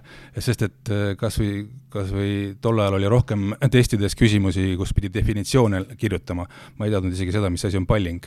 et mm. kuidas sa selle lahti kirjutad, eks ole, kui sa reegleid lugenud ei ole, siis sa tead küll, et sa viskad palli üles, lööd teisele peale võrku, aga kuidas definitsioon on, eks ole, ei tea. Äh, ma ütlen vahel lihtsalt, et sa mainisid siin, palju aastaid läheb äh, rahvusvahelise kategooria kohtunikuks saamisele, aga ma ütlen Instagramis rahvusvahelise kategooria tegijaks saamise, see on võib-olla üks pilt, üks päev ja, ja järgmine päev oled juba ei, tipus no,. ma mõtlengi, et see kohtunikuamet ja ütleme, sport on selles mõttes üks hästi äh, hea valdkond, et mis tahes äh, oled sa treener, kohtunik, äh, mängija, sa tead ainult töö, töö ja pikaajaline siigindel mm. töö aitab sind tippu, et selles mõttes on ta väga hea vastand Instagramile ja, ja kohtunikuga kindlasti ongi see individuaalne töö hästi oluline, et äh, igalt poolt korjata seda infot, on ju, kolleegidega suhelda. kui sa juba väljas käid, siis aitavad sind äh, need hindajad, eks ole ja, ja, ja, ja ikkagi pidev, pidev enda kursis hoidmine kõigega, et see aga kas, kas, kas meil on piisavalt kohtunikke Eestis või? oota, ma küsin enne ära, kui rahvusvahelise kategooria kohtunik, kas see tähendab, et sa pead inglise keele mingi jaa, test on inglise keeles, kõik on, kursus toimub inglise keeles. Ja, ja ma tean, noh, minu kursusel näiteks oli päris mitu sellist äh, kohalikku, seal ma käisin Bahreinis, siis seal oli seal ümberkaudseid Araabia tegelasi kursusel, kes ei saanud inglise keelest üldse midagi aru, aga, aga, aga venitati nad sealt kursusest kuidagi Aa. läbi, sest kohalikud olid. kuule, aga mul esim praegu vi tuli vilgatas, et, et võib ikkagi kohtunikuamet võiks olla päris äh, tore, sest kuulsid, kus see, kus see koolitus oli? Mihkel? jaa, Bahreinis, Bahreinis täpselt. võib-olla samal ajal toimub seal F1 etapp. siis veel ei toimunud, siis kaks tuhat kuus veel ei olnud esimene, ühtegi etappi. no nad pärast seda kohtunikukoolitust hakkasid tegema, see lisapakett kohtunike koolitusele. jaa, ei, ma ütlengi, mina olen ka näinud äh, Tallinna lennujaamas korduvalt äh, tuntud Eesti kohtunikke tulemas, kas siis üksi või mitmekesi viisakates äh, riietes lennuki pealt ja ma olen ka mõelnud, et tõenäoliselt nad tulevad kuskilt Bahreinist. eurosarja mängult, et mm, -hmm. et ei, eks see kindlasti on, aga enne veel, kui ma, kui ma lähen selle nii-öelda küsimuse juurde, kas, kas kohtunikke on Eestis piisavalt või mitte. mainisid rahvusvahelist teemat, Karl, et siis kas ma saan õigesti aru, et sa oled ka rannavõrkpallis olnud vähemalt rahvusvahelise kategooria kohtunik ja kas see on kuidagi erinev nüüd tavavõrkpallist? hea küsimus, et ma kaks tuhat kaheksa tõesti läksin ka rahvusvahelise kategooria rannavõrkpalli kohtuniku kursusele, tegin selle läbi, aga kuna äh, eelneva jutu juurde veel see, et kui sa, kui sa läbid rahvusvahelise kategooria kohtuniku kursuse, siis sa ei ole veel valmis rahvusvahelise kategooria kohtunik. siis tuleb veel neid nii-öelda punkte ja hinnanguid koguda, eks ole. et sa pead mingil mängul teatud arvud mängudel viibima, kus on see hindaja ja, ja siis alles, kui see nii-öelda komisjon teeb oma töö ära, siis, siis sa saad selle kuskil, noh tavaliselt on see kaks kuni kolm aastat nii normaalses rütmis ja, ja samamoodi oli siis selle rannavõrkpalliga, et kaks tuhat kaheksa läbisin kursuse, kaks tuhat üheksa äh, sain tegutseda, aga kaks tuhat üheksa aasta lõpus, ehk siis esimeseks jaanuariks kaks tuhat kümme võeti vastu otsus, et ko iga kohtunik, kes on kahel alal, peab otsustama, kumma ala juurde ta jääb. et mingil hetkel võeti suund, et kahte ala ei ole võimalik teha, et inimene ei ole nii, nii mitmekülgne ei saa olla üks inimene, et suudab vilistada nii, nii saali võrkpalli kui randa, et üks hakkab teist vilistama. võib-olla üks põhjus oli ka selleks, et võib-olla tekkis neid liiga palju, eks ole. aga noh, Eestis tol hetkel polnud ühtegi, Mati Kuusk oli lõpetanud vanuse tõttu ja rohkem kedagi ei olnud ja, ja vaja oli, sest meie võistkonnad käisid väljas ja tol ajal oli Rivo ja Kristjani tuules nagu ka võimalik kohtunikul liikuda nagu kõrgemale. Aga, aga paraku tuli see otsus teha ja siis pärast mind on, ongi alles ainult Uku, Uku Rummi läbinud selle ja no nüüd äh, tuleb välja see harrastusvõrkpallur, rannavõrkpallur Karl, kes oma küsimused esitab sulle seoses rannavõrkpalliga ähm,. esiteks äh, üks väga spetsiifiline asi, mina, ma kuulun nende mängijate hulka, kes, ma loodan, et väga palju kohtunikiga ei vaidle, sest ma tean, et kõige rohkem on ikkagi minu kaotustes süüdi alati mina ja mitte ka minu paariline, kohtunikust rääkimata. aga üks asi, mis mul on jäänud ikkagi lahtiseks, see nii-öelda lahtise käega palli mängimine kaitses Ehm, et kust, kui tugev see puude peab või konkreetne see puude peab olema, ma tean, see on hästi spetsiifiline asi, aga rannavõrkpallid kogu aeg meil on trennis. iga trenn tuleb ette küsimus, kas see nüüd lahtine käega, kas seda sobis, oli see puhas puude või mitte. mina ütlen alati, et ma ei tea, teeme uue palli, et mul ei ole ausalt, mul ei ole nagu arusaama veel sellest tekkinud. ma rannavõrkpalli reeglites ei ole nii update itud enam viimastel aastatel, aga aga seal on, kohtunikele on antud väga konkreetsed juhised, näiteks selle, mida sina näiteks tõid, on open hand open fingers, et siis, kui sul on sõrmed laiali ja sa sellega mängid, siis on see, loetakse hoitud palliks. kui sa, kui sul on sõrmed koos, siis juba ei ole, eks ole, ja kui sa lööd peopesaga, siis ei ole kindlasti, eks ole, et selles mõttes aga äh, puude peab olema hästi konkreetne või? jaa mm -hmm., rannavõrkpallis on see jah eriti nagu. jah, jah, selge. Äh, nüüd teine asi, äh, noh, pooleldi ka rannavõrkpalliga seotud palju on neid mängijaid, äh, kes siis rannas või saalis ütlevadki, et äh, sa küsid, et äh, kas oli plokipuude või, või mingisugune viga ja ta ütleb jah, oli küll. Jälle hea küsimus, tegelikult kohtunikke on alati koolitatud niimoodi, et sa ei tohi küsida, sa ei tohi küsida, no sellel on oma kindel põhjus. Sellepärast, et kui sa siin game'i alguses, Karl, ütled mulle, et jah, et näed, mul oli plokipuude. hakkad uskuma juba seda enda, jah? ja okei. Okay,, ja game'i lõpus, game'i lõpus, kui nagu oli noh, mingi otsustavam hetk, on ju, siis ütled ei, ei, ei, mis ma siis teen, ei usu sind mm -hmm. või et, et sellel on omad kindlad põhjused, miks, miks ei küsita, erand on nüüd, see on muidugi väga hea, kui võistleja ise tõstab käe, ütleb, et oli mul. aga sellega on ka kohtunikke üritatud orki tõmmata, et tõstad käe, aga hoopis teisel põhjusel võidu rõõmuks, on ju.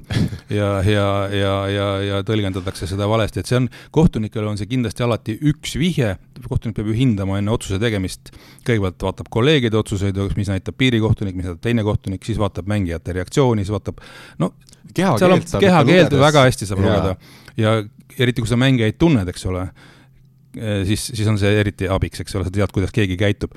aga, aga ainult selle peale jah, et eh, keegi käe tõstab, ei saa reageerida, see on üks vihje lihtsalt sellele, kas võis olla. aga nüüd on see natukene muutunud seoses video challenge süsteemiga, ehk nagu te nägite siin Saksamaa, kas oli Eesti-Saksamaa mängus, igatahes Saksamaa mängis ühel poolel Euroopa meistrivõistlustel, kui Krööser eh, mitu korda tunnistas, et tema oli, tema puude oli, kuigi see puude oli õrn, ta, aga ta tegi seda selleks, et tema võistkond ei võtaks asjatut challenge'it, et kui võistkond võtab challenge'i, siis ta kaotab challenge'i, sest et puude ju oli, sellepärast ta ennetab seda ja tunnistab oma, oma puudet mm. -hmm. aga oota, ma veel, mul oli üks asi veel, kui on plokipuude vahel saab mängija nii õrnalt ju näpud vahele, et ta isegi vaevu saab aru, kas see nüüd puude oli.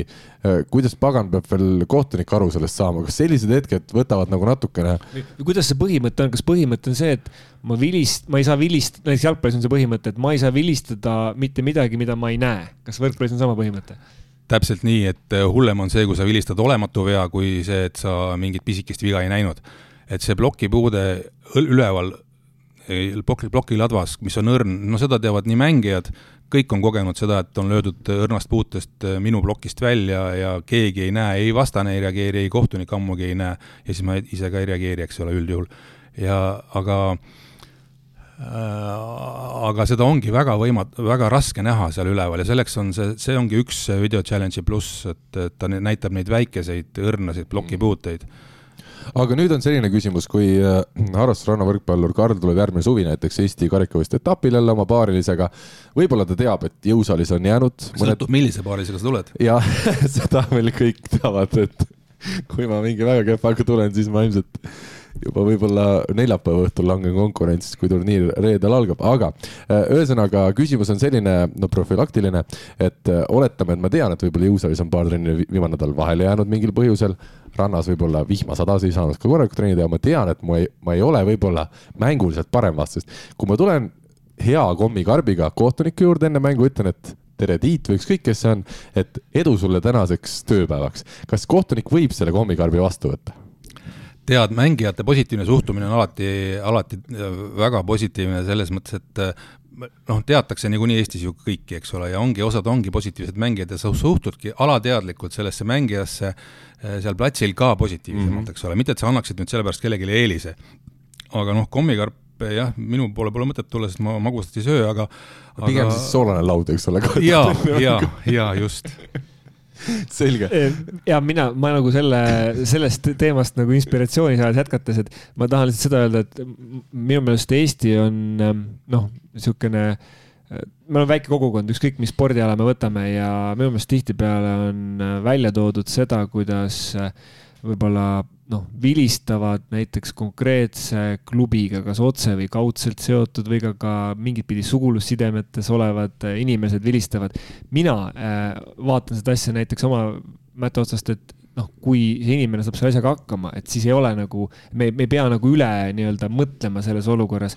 et noh, siin on äh, Aare keel on vilistanud kindlasti Aavo keele mänge, kindlasti on äh, tartlased äh, omavahel äh, läbi põimunud. pärnakad samamoodi. pärnakad samamoodi, et noh, ma arvan, Ats Horn on, on teenindanud küll mänge, kellega ta on, kellega ta on koos mänginud nende mängijatega või noh, siin on, siin on veel igasuguseid näiteid aja jooksul, Andrei Ojamets, ma mäletan, kunagi oli ma peast ütleks, et ta oli naiste peatreener tol hetkel Tartus ja ta vilistas meeste mängu, äh, Tartu võistkonna meeste mängu. et kõigepealt, kusjuures need toimusid järjest, kõigepealt Andrei oli, oli, oli ühes peatreener, siis vilistas, okei okay,, et see, see tundub äkki nagu. äkki sa räägid minust? Äh, jah, see, see, siin, sul võis põhimõtteliselt samamoodi mul olla. mul oligi ühel päeval karikafinaal, naistega tulime karikavõitjaks ja siis vilistasin meeste finaali, kus mängis ka TTÜ. oot, oot, kuidas see üldse emotsionaalselt võimalik saab olla? no vot, et, et noh, need on võib-olla siuksed nagu ekstreemsed näited, aga minu põhimõte oli see, et, et ärme nagu näeme tonti seal, kus nagu to ja. tonti ei olegi tihtipeale, et see kogukond on nagu väike. aga, aga ma mõtlen, et finaali panna, kui sa ise olid, eks ole, see oli Tartus, Tartus. see oli natuke emotsionaalselt raske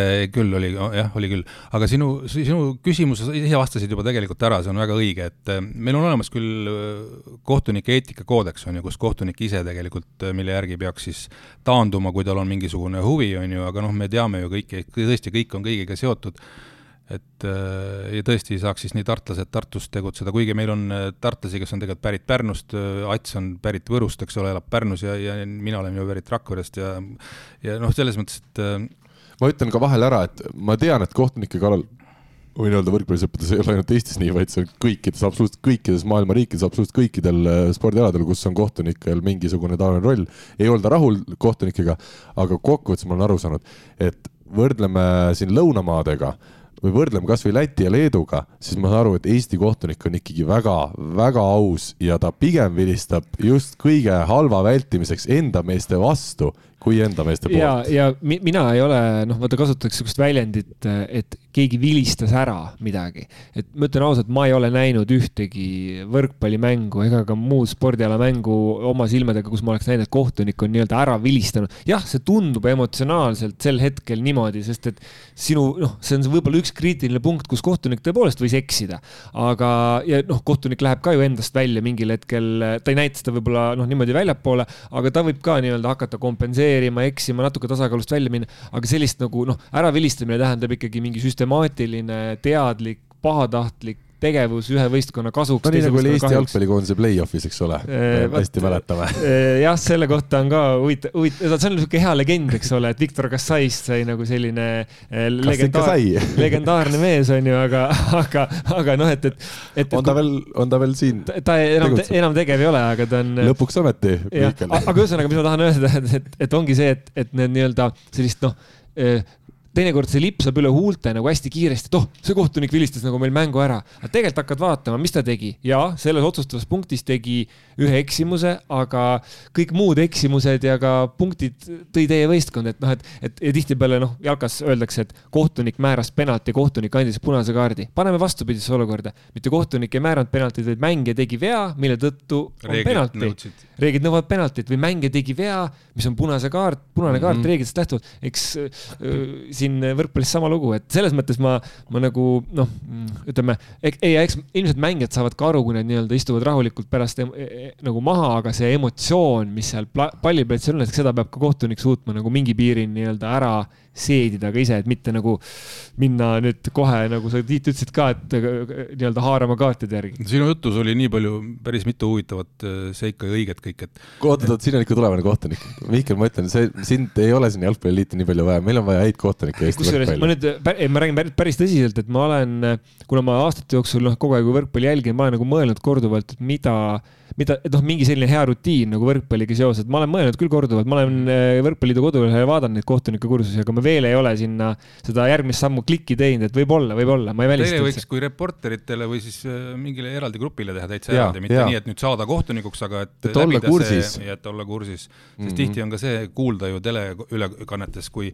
arutavad kommentaatorid, mis seal nüüd oli, aga noh, et nad ei näinud kohtuniku žesti, mis siis nagu veaks vilistati, eks ole et.... no just ma olen märganud see Rinaldo puhul nii, et ja, kui tema ei mäleta, aga seal on, neid on olnud, neid on olnud. Karl oli eesnimi, ei järgmine ei mäleta, aga ma, ma ütlen, et Tiidu, Tiidul on hea mõte, et, et me, me oleme jalgpallis üks kümme aastat teinud niimoodi, et äh, koolitamegi ajakirjanikke. Äh, kutsumegi meilt siis Hannes Kaasik, Kuno Tutk või Kristo Tohver ja räägivadki, viimati tegime just selle varri teemalise, kuna noh, näiteks ongi seesama spetsiifika, mis sa rääkisid ka selle vaide küsimise osas, et jah, okei okay,, seda vaiet tuleb nagu või seda ütleme, videosüsteemi tuleb Eesti kommentaatoritel väga harva ette, siis kui Eesti mängib suur. me räägime iga Eesti liiga mäng ka sellest, et kuidas, et kui varr oleks, siis mida see siis, praegu oleks no näidanud. aga ütleme vähemalt, et kui sul tuleb üks hetk ette, noh, toome näite näiteks Eesti äh, koondise mängudes on nüüd äh, varr kasutusel, et seal äh, on ka noh, jällegi üks asi, mida nii-öelda inimene tugitoolis, kes vaatab seda, mõtleb, et oh, siin oleks pidanud varr sekkuma, aga kommentaator peabki teadma, et tegelikult selles olukorras varr ei tohigi sekkuda, et noh, lihtsalt reeglid on sellised,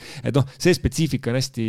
kindlasti peab koolitama nagu suuremat, suuremat nagu auditooriumit, et äh, alates noh, noormängijatest, treeneritest ja siis noh, publik peab ka tegelikult mängust aru saama läbi reeglite, et noh, publikut me koolitama otseselt ei hakka, aga koolitavadki mm -hmm. need, kes selle info viivad äh, publikuni. ma loodan, et tänane saade natuke mõnda, mõnda võrkpallisõpra koolitab. kaks on siin vähemalt, aga, aga ma tahtsingi selle, selle noh, taustal oligi hea minna nüüd selle küsimuse juurde, et, et palju siis meil võrkpallikohtunikke on, sa ütlesid, et noh, et erinevaid äh, gruppe tuleb koolitada, noormängijaid, harrastusmängijaid, on kohtunikke piisavalt ja kes need inimesed üldjuhul on või kuidas nad sinna kohtunikuks saanud on? võib öelda, et praegu on ikkagi piisav arv kohtunikke, aga, aga eraldi küsimus on, et kui palju mingil konkreetsel päeval neist tegutseda saab, sest et on ju eraelu, on töö, on ju kõik muud, muud asjad aga arvu poolest on meil neid piisavalt, näiteks rahvusvahelisi kohtunikke on hetkel kuus ja täna ongi just konkreetselt teemaks eh, ühe kohtuniku saatmine kursusele, meil on, sa vist küsisid ka, et meil on kvoot on kümme rahvusvahelist kohtunikku, praegu on kuus. ja erinevatel põhjustel, kes on lapseootel, ei saa kõik niikuinii tegutseda ka, eks ole, kogu aeg. ja ja täna saad-, üritamegi saata siis kursusele, ma veel nime igaks juhuks ei ütle, sest et me ei tea, ei ole, ei saa, registreerimistähtaeg on homme, me ei tea, kas me saame sealt positiivse vastuse, et ta saab kursusele. kui saab, on, on super, on meil uus, uus rahvusvahelise kategooria kohtunik tulemas. aga, aga jah, meid on, arvuliselt on piisavalt, aga et nii-öelda tipus äh, vastu pidada ja läbi lüüa, noh, siis on vaja selleks ikka kogu aeg tööd teha. küsin vahele, et ega kas, kas see raseduse värk, see on vist ainult äh, naistel, et sellepärast mehed ei ole jäänud veel äh, vilistamata mingeid mänge? on nii jah? see, ma tahtsin, mul, mul tuli küll ette. kunagi mõni, ei tea, Mihkel. mul tuli küll mõni meeskohtunik ette praegu, kes.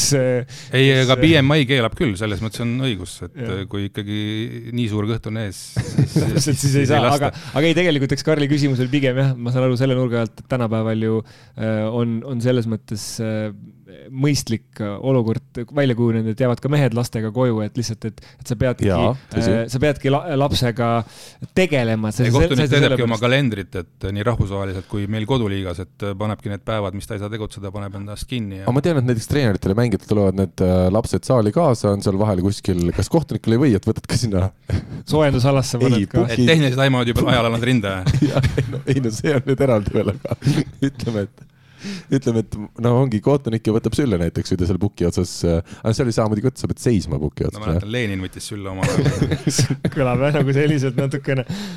aga palju neid äh, kohtunikke üleüldiselt on, sina rääkisid nendest, kes on rahvusvahelise kategooria kohtunikud, aga palju on üleüldse Eestis äh, tegevkohtunikke, kes on siis piiri peal või? meil on ikka neid kahesaja ringis kokku, aga ütleme, selliseid äh, liigades tegutsevaid aktiivseid on viiekümne ringis ja siis ütleme, selline, selline, kes vilistab krediitit ja kõige kõrgemat taset on meil hetkel nimekirjas seitseteist. ahah, ja see on siis äh, nii-öelda esimene, teine kohtunik ja piirikohtunik või? või piirikohtunikud tulevad lisaks? tulevad ikka siis jah, sealt äh.... mis piirikohtuniku nõuded on, me neid esimene, teine me teame hästi, nad peavad läbima antud siis koolitused, kas piirikohtunikul on ka samamoodi mingisugune teatud äh... otseselt äh, sellist mingisugust, noh, ta, ta peab teadma neid äh, piirikohtuniku kohustusi, eks ole, mida ta tegema peab, selleks ta peab olema läbinud koolituse ja praktikat loomulikult omama mm. räägi paar sõna Mati Korepist ka, Eesti siis ikkagi legendaarseim. elavast legendist. Grand old man. võrkpallikohtunik, meie teame teda Mihklina sedasi, ütleme kõrvaltvaate, sina tunned teda ka ütleme ikkagi oma eriala põhiselt. milline mees Mati Korep on? fenomenaalse mäluga, äh, väga hea võrkpallitajuga äh, no täiesti ikkagi, ikkagi hingelt kohtunik ja ta ikka elab ja ma, ma kujutan ette, et ta unenäod on ka kõik ainult võrkpallist, sellepärast et noh, ta nii, kui ta oli toimkonna esimees, siis ta võis sulle helistada kell seitse hommikul ja kell, kell üks öösel, nii et kui tal mõte tuli, siis ta võttis toru ja kohe suhtles otse, eks ole, noh, ajad on tänapäeval teised, suheldakse teise kanalitega, tema suhtles ainult telefoni teel ja tegi kõik toimingud paberi peal, eks ole aga, aga tal on võrratu mälu ja ta noh, kui ta, ükskord temaga, ma kunagi pakkusin vist ka idee välja, et temast tuleks kirjutada mingisugune raamat, et et tema, temal on kogu see meie ajalugu, nii kohtunike ajalugu kui ka palju on seda muud võrkpalli ajalugu seal sees, eks ole. et tema on koolitanud enamus Eesti, Eesti kohtunikud, ka need, kes on temast vanemad, sest tema alustas ju, kas ta oli viisteist või kui ta alustas juba, juba kõrgemal, väga kõrgel tasemel ja Nõukogude Liidu kõrgliigat sattus ta vilistama küll juhuse läbi ka väga noorelt, ma ei mäleta, kas ta oli seitseteist vist või. et, et ühesõnaga tal on ka läinud selles mõttes õnnelikult, eks ole, mõne, mõnede asjade puhul, aga ta on ikkagi selles mõttes meil täiesti, täiesti mees teiselt planeedilt, et see, et Mati Koorepit nüüd Eestist teist ei noh, me ei saa küsida, millal tuleb, ma ei, arvan, et ei tule.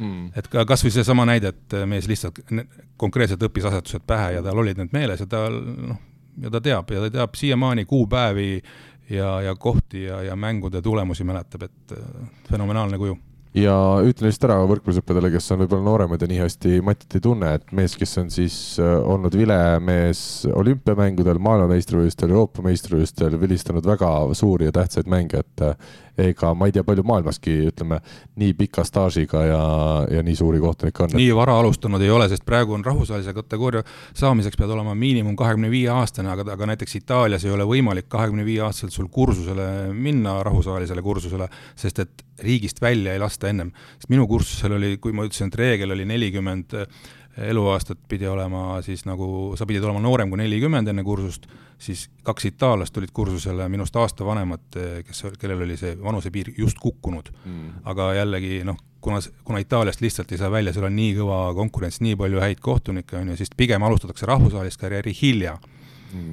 on ju, et kahekümne viieselt ikka väga-väga harva, kui keegi saab hakata pihta hakkame vaikselt seda kohtunike teemat täna kokku võtma, aga kuna me siin rääkisime seoses selle Tartu Bigbanki ja TalTechi vahelise mänguga kohtunike tööst ka mõnevõrra, äh, siis äh, kas sa tahad siit ise omalt poolt midagi lisada või, või kommenteerida seda olukorda?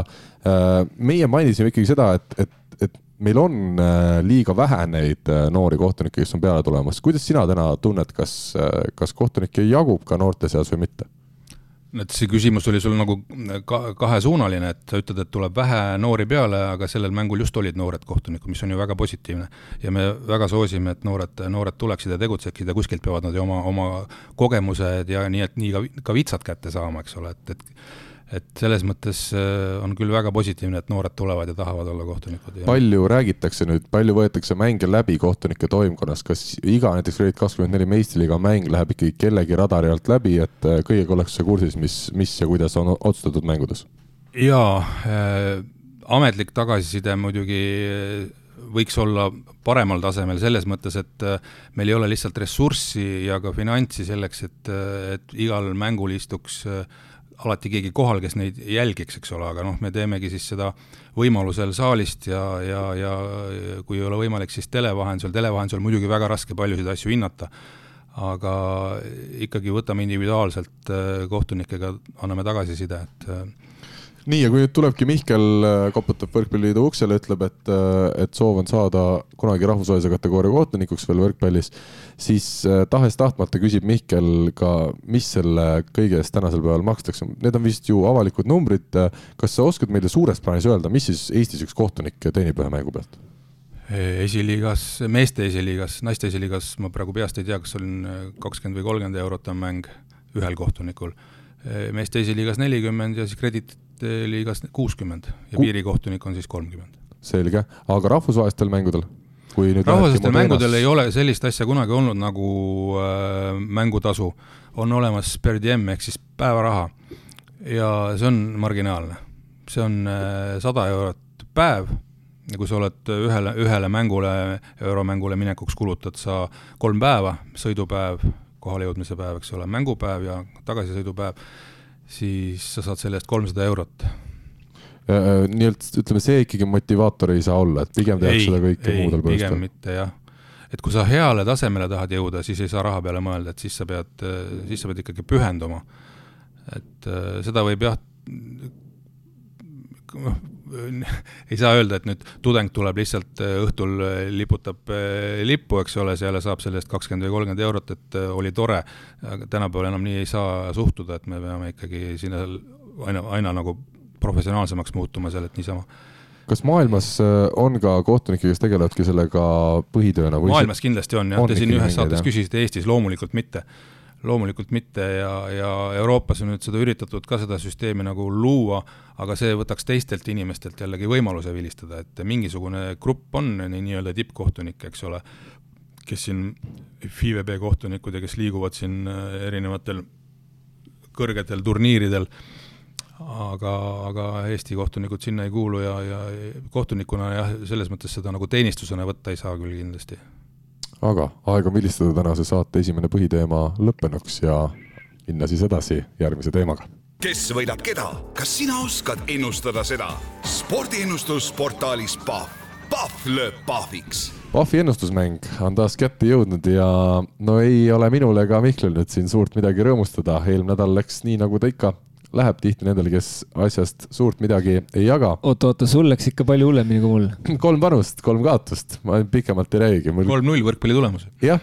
kiire kolm-null oli see, jah. ja duši alla äh, aga jah, ei tulnud minult äh, üheltki alalt, muidugi jalgpalliga läks eriti kehvasti, ma ütlen ära, et AS Rooma, keda ma mõtlesin, et Jose Murillo ikka natukene, jagab natuke paremini asju, siis Norra klubi Klimti vastu tuli üks-kuus kaotus. ma, ma ja ma nagu lausa mõnuga vaatasin selle mängu tulemust, sest et ma noh, mulle esiteks meeldivad alati, kui väiksemad võidavad suuremaid, aga mul eriti noh, see Karli ennustus muidugi pakkus. ma ütlen, vaadates pärast seda Murillo väga närvilist intervjuud ja nagu ütleme, meelelahutuslikku aspekti täitis ära. aga Mihkel oli siis kindel, et Lissaboni Benfica alistab võrkpalli meistriliiga eelringis Saastamale Valepa avamängus ja nii ka läks, tulemus kolm-null, panus viisteist eurot, koefitsient üks koma neliteist, sealt sisust midagi suurt ei tulnud ma jälgisin seda mängu ka, et see oli noh, see oli selge. kuule, aga see näitas kokkuvõttes seda, kui hea oli Tartu Bigbank Benfica vastu, sest teine mäng jah. oli siis ju sel nädalal äh, Valepa kodus, võitis esimese game'i kokku, kaotas ikkagi üks-kolm ja langes selgelt välja. et äh, tegelikult Tartu Bigbanki ees veel rohkem tuleb müts maha võtta, et kui meil Soome esiklubi, kus on ikkagi päris korralikult komplekteeritud võistkond ja ka varumehi oli seal korralikke, et ei saanud Benficale sugugi vastu, siis, siis järelikult äh, oli Tartu korralik tasemelt. nii, ma ei tea, Mihkel, sa muigad, mis sa muigad? ei, oli, oli, ma olen sinuga nõus.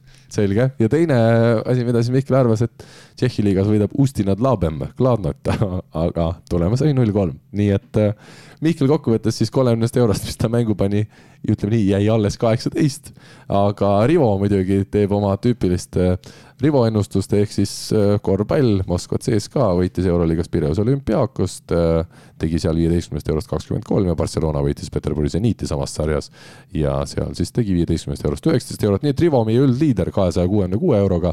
Teppan, kes korra veel ennustanud on, on jätkuvalt teine, näitab, et mida vähem ennustad, seda parem tihti seis võibki olla. Teppan on siis jätkuvalt ainus, kes ei ole ka ühegi ennustusega eksinud meie mängus, seegi tasub ära mainida. Äh, temal siis kakssada seitseteist eurot ja mina nüüd langesin neljandat-viiendat kohta siis Alar Rikbergiga jagama sada üheksakümmend kuus eurot meil ja Mihkel on saja kaheksakümne kolme peal no ei, aga siin polegi midagi öelda. võtame selle nädala ennustused ette. Mihkel, alustame sinust. Äh, mida, mida oled leidnud põnevat? vaata, kuna see Usti Nadlabem mind äh, Tšehhi liigas vedas alt eelmine kord, siis äh, ma pean uuesti nende mängule, nad mängivad Brnoga täna õhtul. aga noh, Brno favoriit üks koma viiskümmend kaks ja, ja see Usti Nadlabem on, on võõrsil, mängib ka kaks koma kolmkümmend viis. et noh kui juba läks nagu peaga vastu seina jooksmiseks, siis jookseme edasi nagu, et paneme selle Ustina Dlabemi peale uuesti kaks koma kolmkümmend viis koefitsient.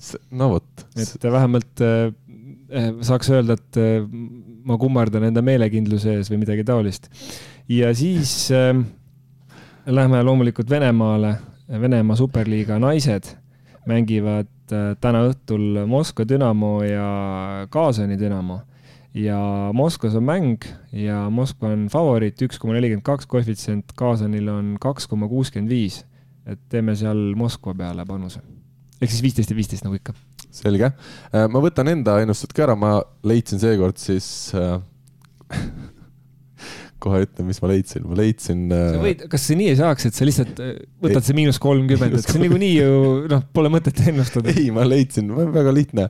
ma ütlen äh, Soome jäähoki esiliiga, tugevalt teine liiga ja puhtalt nime pärast hakkasin mina just praegusel momendil pooldama Kukkolan Hermes mängib Tutoga, nii et Kokkolan Hermes võidab selle mängu. Kindlasti, ma panen selle viisteist eurot, kaks koma üks on koefitsient, kodus mängivad, ma, Mihkel, sa tead, on vigastuspausis keegi naasnud. ma tean Kokkolast lihtsalt, Kokkola on äh, tuntud Soomes kui ühe väga suure ja pikaajalise jalgpalliturniiri äh, võõrustaja linn, nii et ahah, no näed, jälle selle peale kahjuks ennustada ei saa, et kas ka seal sel aastal see lisab usald-, see lisab usaldust Kokole lihtsalt. selge, loodame parimat, viisteist eurot läks sinna ja teine asi siis ütleme ikkagi võtame siin äh, võrkpalliga mängu.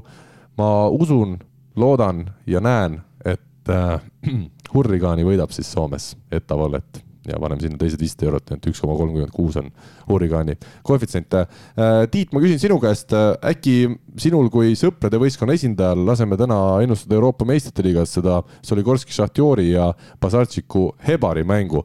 Äh, Solikorskil koefitsient kolm koma viisteist ja Bazartšikul üks koma kolmkümmend kaks. kumb sulle tundub selline apetiitsem valik? no võta lahti, kes on kohtunikud, siis ma ütlen kohe. ahaa, vot, vot. selle järgi määratakse tulemus, vot, vot me, vot me oleme kogu aeg rääkinud siin mängijatest ja kõikidest muudest nüanssidest. ebaoluline. see oli, see oli nali, see oli nali muidugi oota, aga ma, ma juba iseenesest äh, olen nii kaugel, et ma vist võtangi lahti selle. ma eile muideks otsisin äh, Saaremaa mängu kohtunikke, aga jah, ei ole seda, seda kuupäeva on veel seal CEF-i lehel alles, aga, aga muud infot selle mängu kohta ei ole.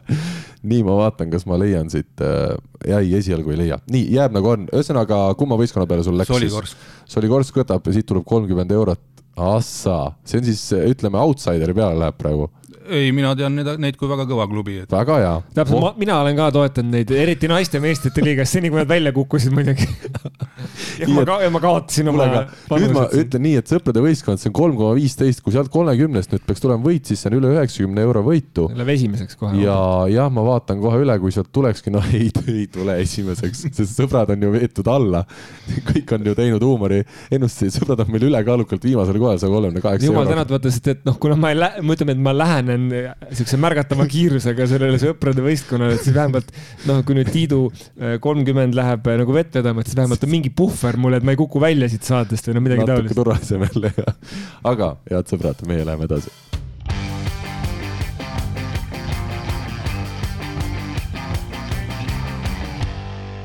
Grade kakskümmend neli Balti liigas äh, oleme me jõudnud siis nii kaugele, et eile peeti üks, võib öelda ikkagi kokkuvõttes põnev telemäng ära. Äh, Tallinna Tehnikaülikool võitis võõrsil Pärnu võrkpalliklubi kolm-üks, esimene game jälle kaotati, aga kokkuvõttes saadi võit kätte, kuigi see võit tuli minu jaoks üllatavalt raskelt, et äh, mulle tundub kuidagi, et kas Pärnu vastu lähevad täna juba Eesti klubid mängima natuke sellise noh, sirgjalaga on võib-olla halvasti öeldud, aga, aga mitte täieliku kontsentreeritusega, sest nad teavad, et see võit peaks lõpuks ikka ära tulema, et Selver kaotas esimese game'i Pärnu vastu, nüüd kaotas siis TalTech, aga lõpuks ikkagi võitis mängu. Kuidas, äh, Mihkel, sulle tundub, kas, kas Pärnu on ikkagi no ütleme selgelt Eesti klubidest nõrgim hetkel? nojah, vaatasin ka seda mängu nüüd mitte küll päris algusest lõpuni, aga, aga suurt osa sellest ja ei olnud ilus mäng, ma ütlen ausalt. ilus mäng ta ei olnud, seal olid mõned ilusad hetked küll, aga. siis kui no, publikust kedagi näidati või? isegi võib-olla time-out'id olid ilusad, aga, aga tegelikult ei, noh, see mäng nüüd nagu nii katastroofiline ka ei olnud, et siin saaks öelda, et see on nüüd sihuke esiliiga tasemel mäng, et seal ikkagi las mängib äh, Karl ja kompanii, aga aga noh, selge, et äh, kui.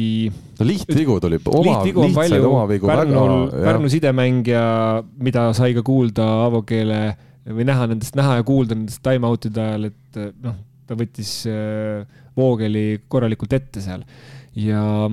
Me oleme no, arutanud siis seda, kas see aitab? no ega ta ei aita, selles mõttes, et ega mängija ju meelega ei tee neid asju kuidagi, kuidagi valesti, noh, see tõste lihtsalt kõikus päris, mhm. päris, päris üles-alla. no mis, mis ma eile hakkasin lihtsalt mõtlema selle mängu ajal, oli see, et palju meil praegu mehi välismaal on umbes välisklubis, üle kümne natukene? jaa Äh, minu arust oli kahekümne all, kas midagi kuusteist. ja, ja koduliigast, äh, kes meil koondisse kuuluvad? Albert Hurt, Gert Toobal, äh, Martti Juhkami võib kuuluda, Silver Maar võib kuuluda, Valentin Kordas oli laagris Tartu meestest veel, Alex Saaremaa oli, Mart Naaber oli ka vist jah, ju mingi, mingi maani. ja Vanker ja Renet Vanker, kas nüüd kedagi, ma panen siin puhtalt peast, kas meil. Selverist on veel kedagi, ei ole?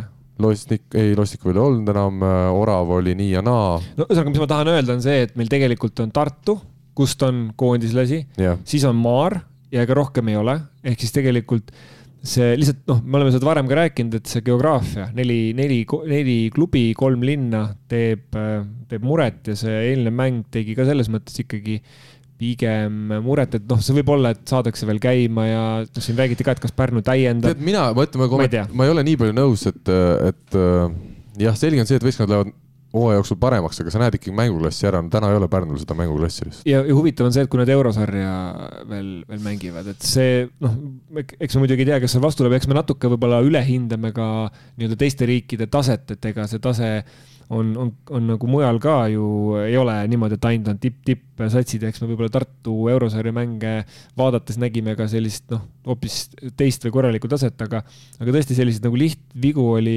oli palju ja see mäng oli selline, noh, vaata, võib-olla natukene sellele kõigele paneb ka pitseri see, et ega Äh, nendes koroona tingimustes väga paljud inimesed ei lähe ka saalidesse vaatama, see on täiesti arusaadav, kultuuriürituste üldse, mitte ainult spordi, vaid kõigi kultuurivaldkonna ürituste publikunumbrid on, on, on korralikult kukkunud, jälgitakse võib-olla siis kas neti kaudu või, või otseülekande kaudu. aga lihtsalt see natuke lisab ka sellist nagu noh, nagu meeleolu ja, ja eile see meeleolu noh see meeleolu oli natukene selline, et kui ütleme, kui Tartu on mänginud, kui Tartu on nüüd mis tahes eh, mängudes siin osaline olnud, on nagu see meeleolu ja, ja, ja nagu kuidagi teine olnud, et eile see tundus natukene. ei, aga Tartul ka, kui me vaatame seda viimast telemängugi, TalTechiga, mis mängisid kodus, sada pealtvaatajat, et ega see ei ole hetkel kuskil roosiline aga. No, Pärnul on vähemalt oma truud trummarid. kusjuures seda ma ütlen küll, et, et kui sel hetkel, kui sa ei näinud, kahjuks oli, me võime öelda seekord, kahjuks oli näha kogu seda suurt tribüüni, eks ole, sealt telepildist eile. aga kui me ei oleks näinud, siis puhtalt heli põhjal oleks võinud küll öelda, et saalis oli kõva lärm, sest Pärnu tõesti need kümme-viisteist pooli, et need teevad nagu kogu aeg lärmi ja jätavad ikkagi mängu mulje või mängu mulje, ütleme jah. ja, aga jah, see noh, taseme kohta noh, jah, ilmselt, ilmselt ei ole ju Pärnu selle, selle olukorraga rahul ja, ja see, see seis, see seis on nagu keeruline, et, et, et kas, ega, ega ühe mängija juurdevõtmine seal.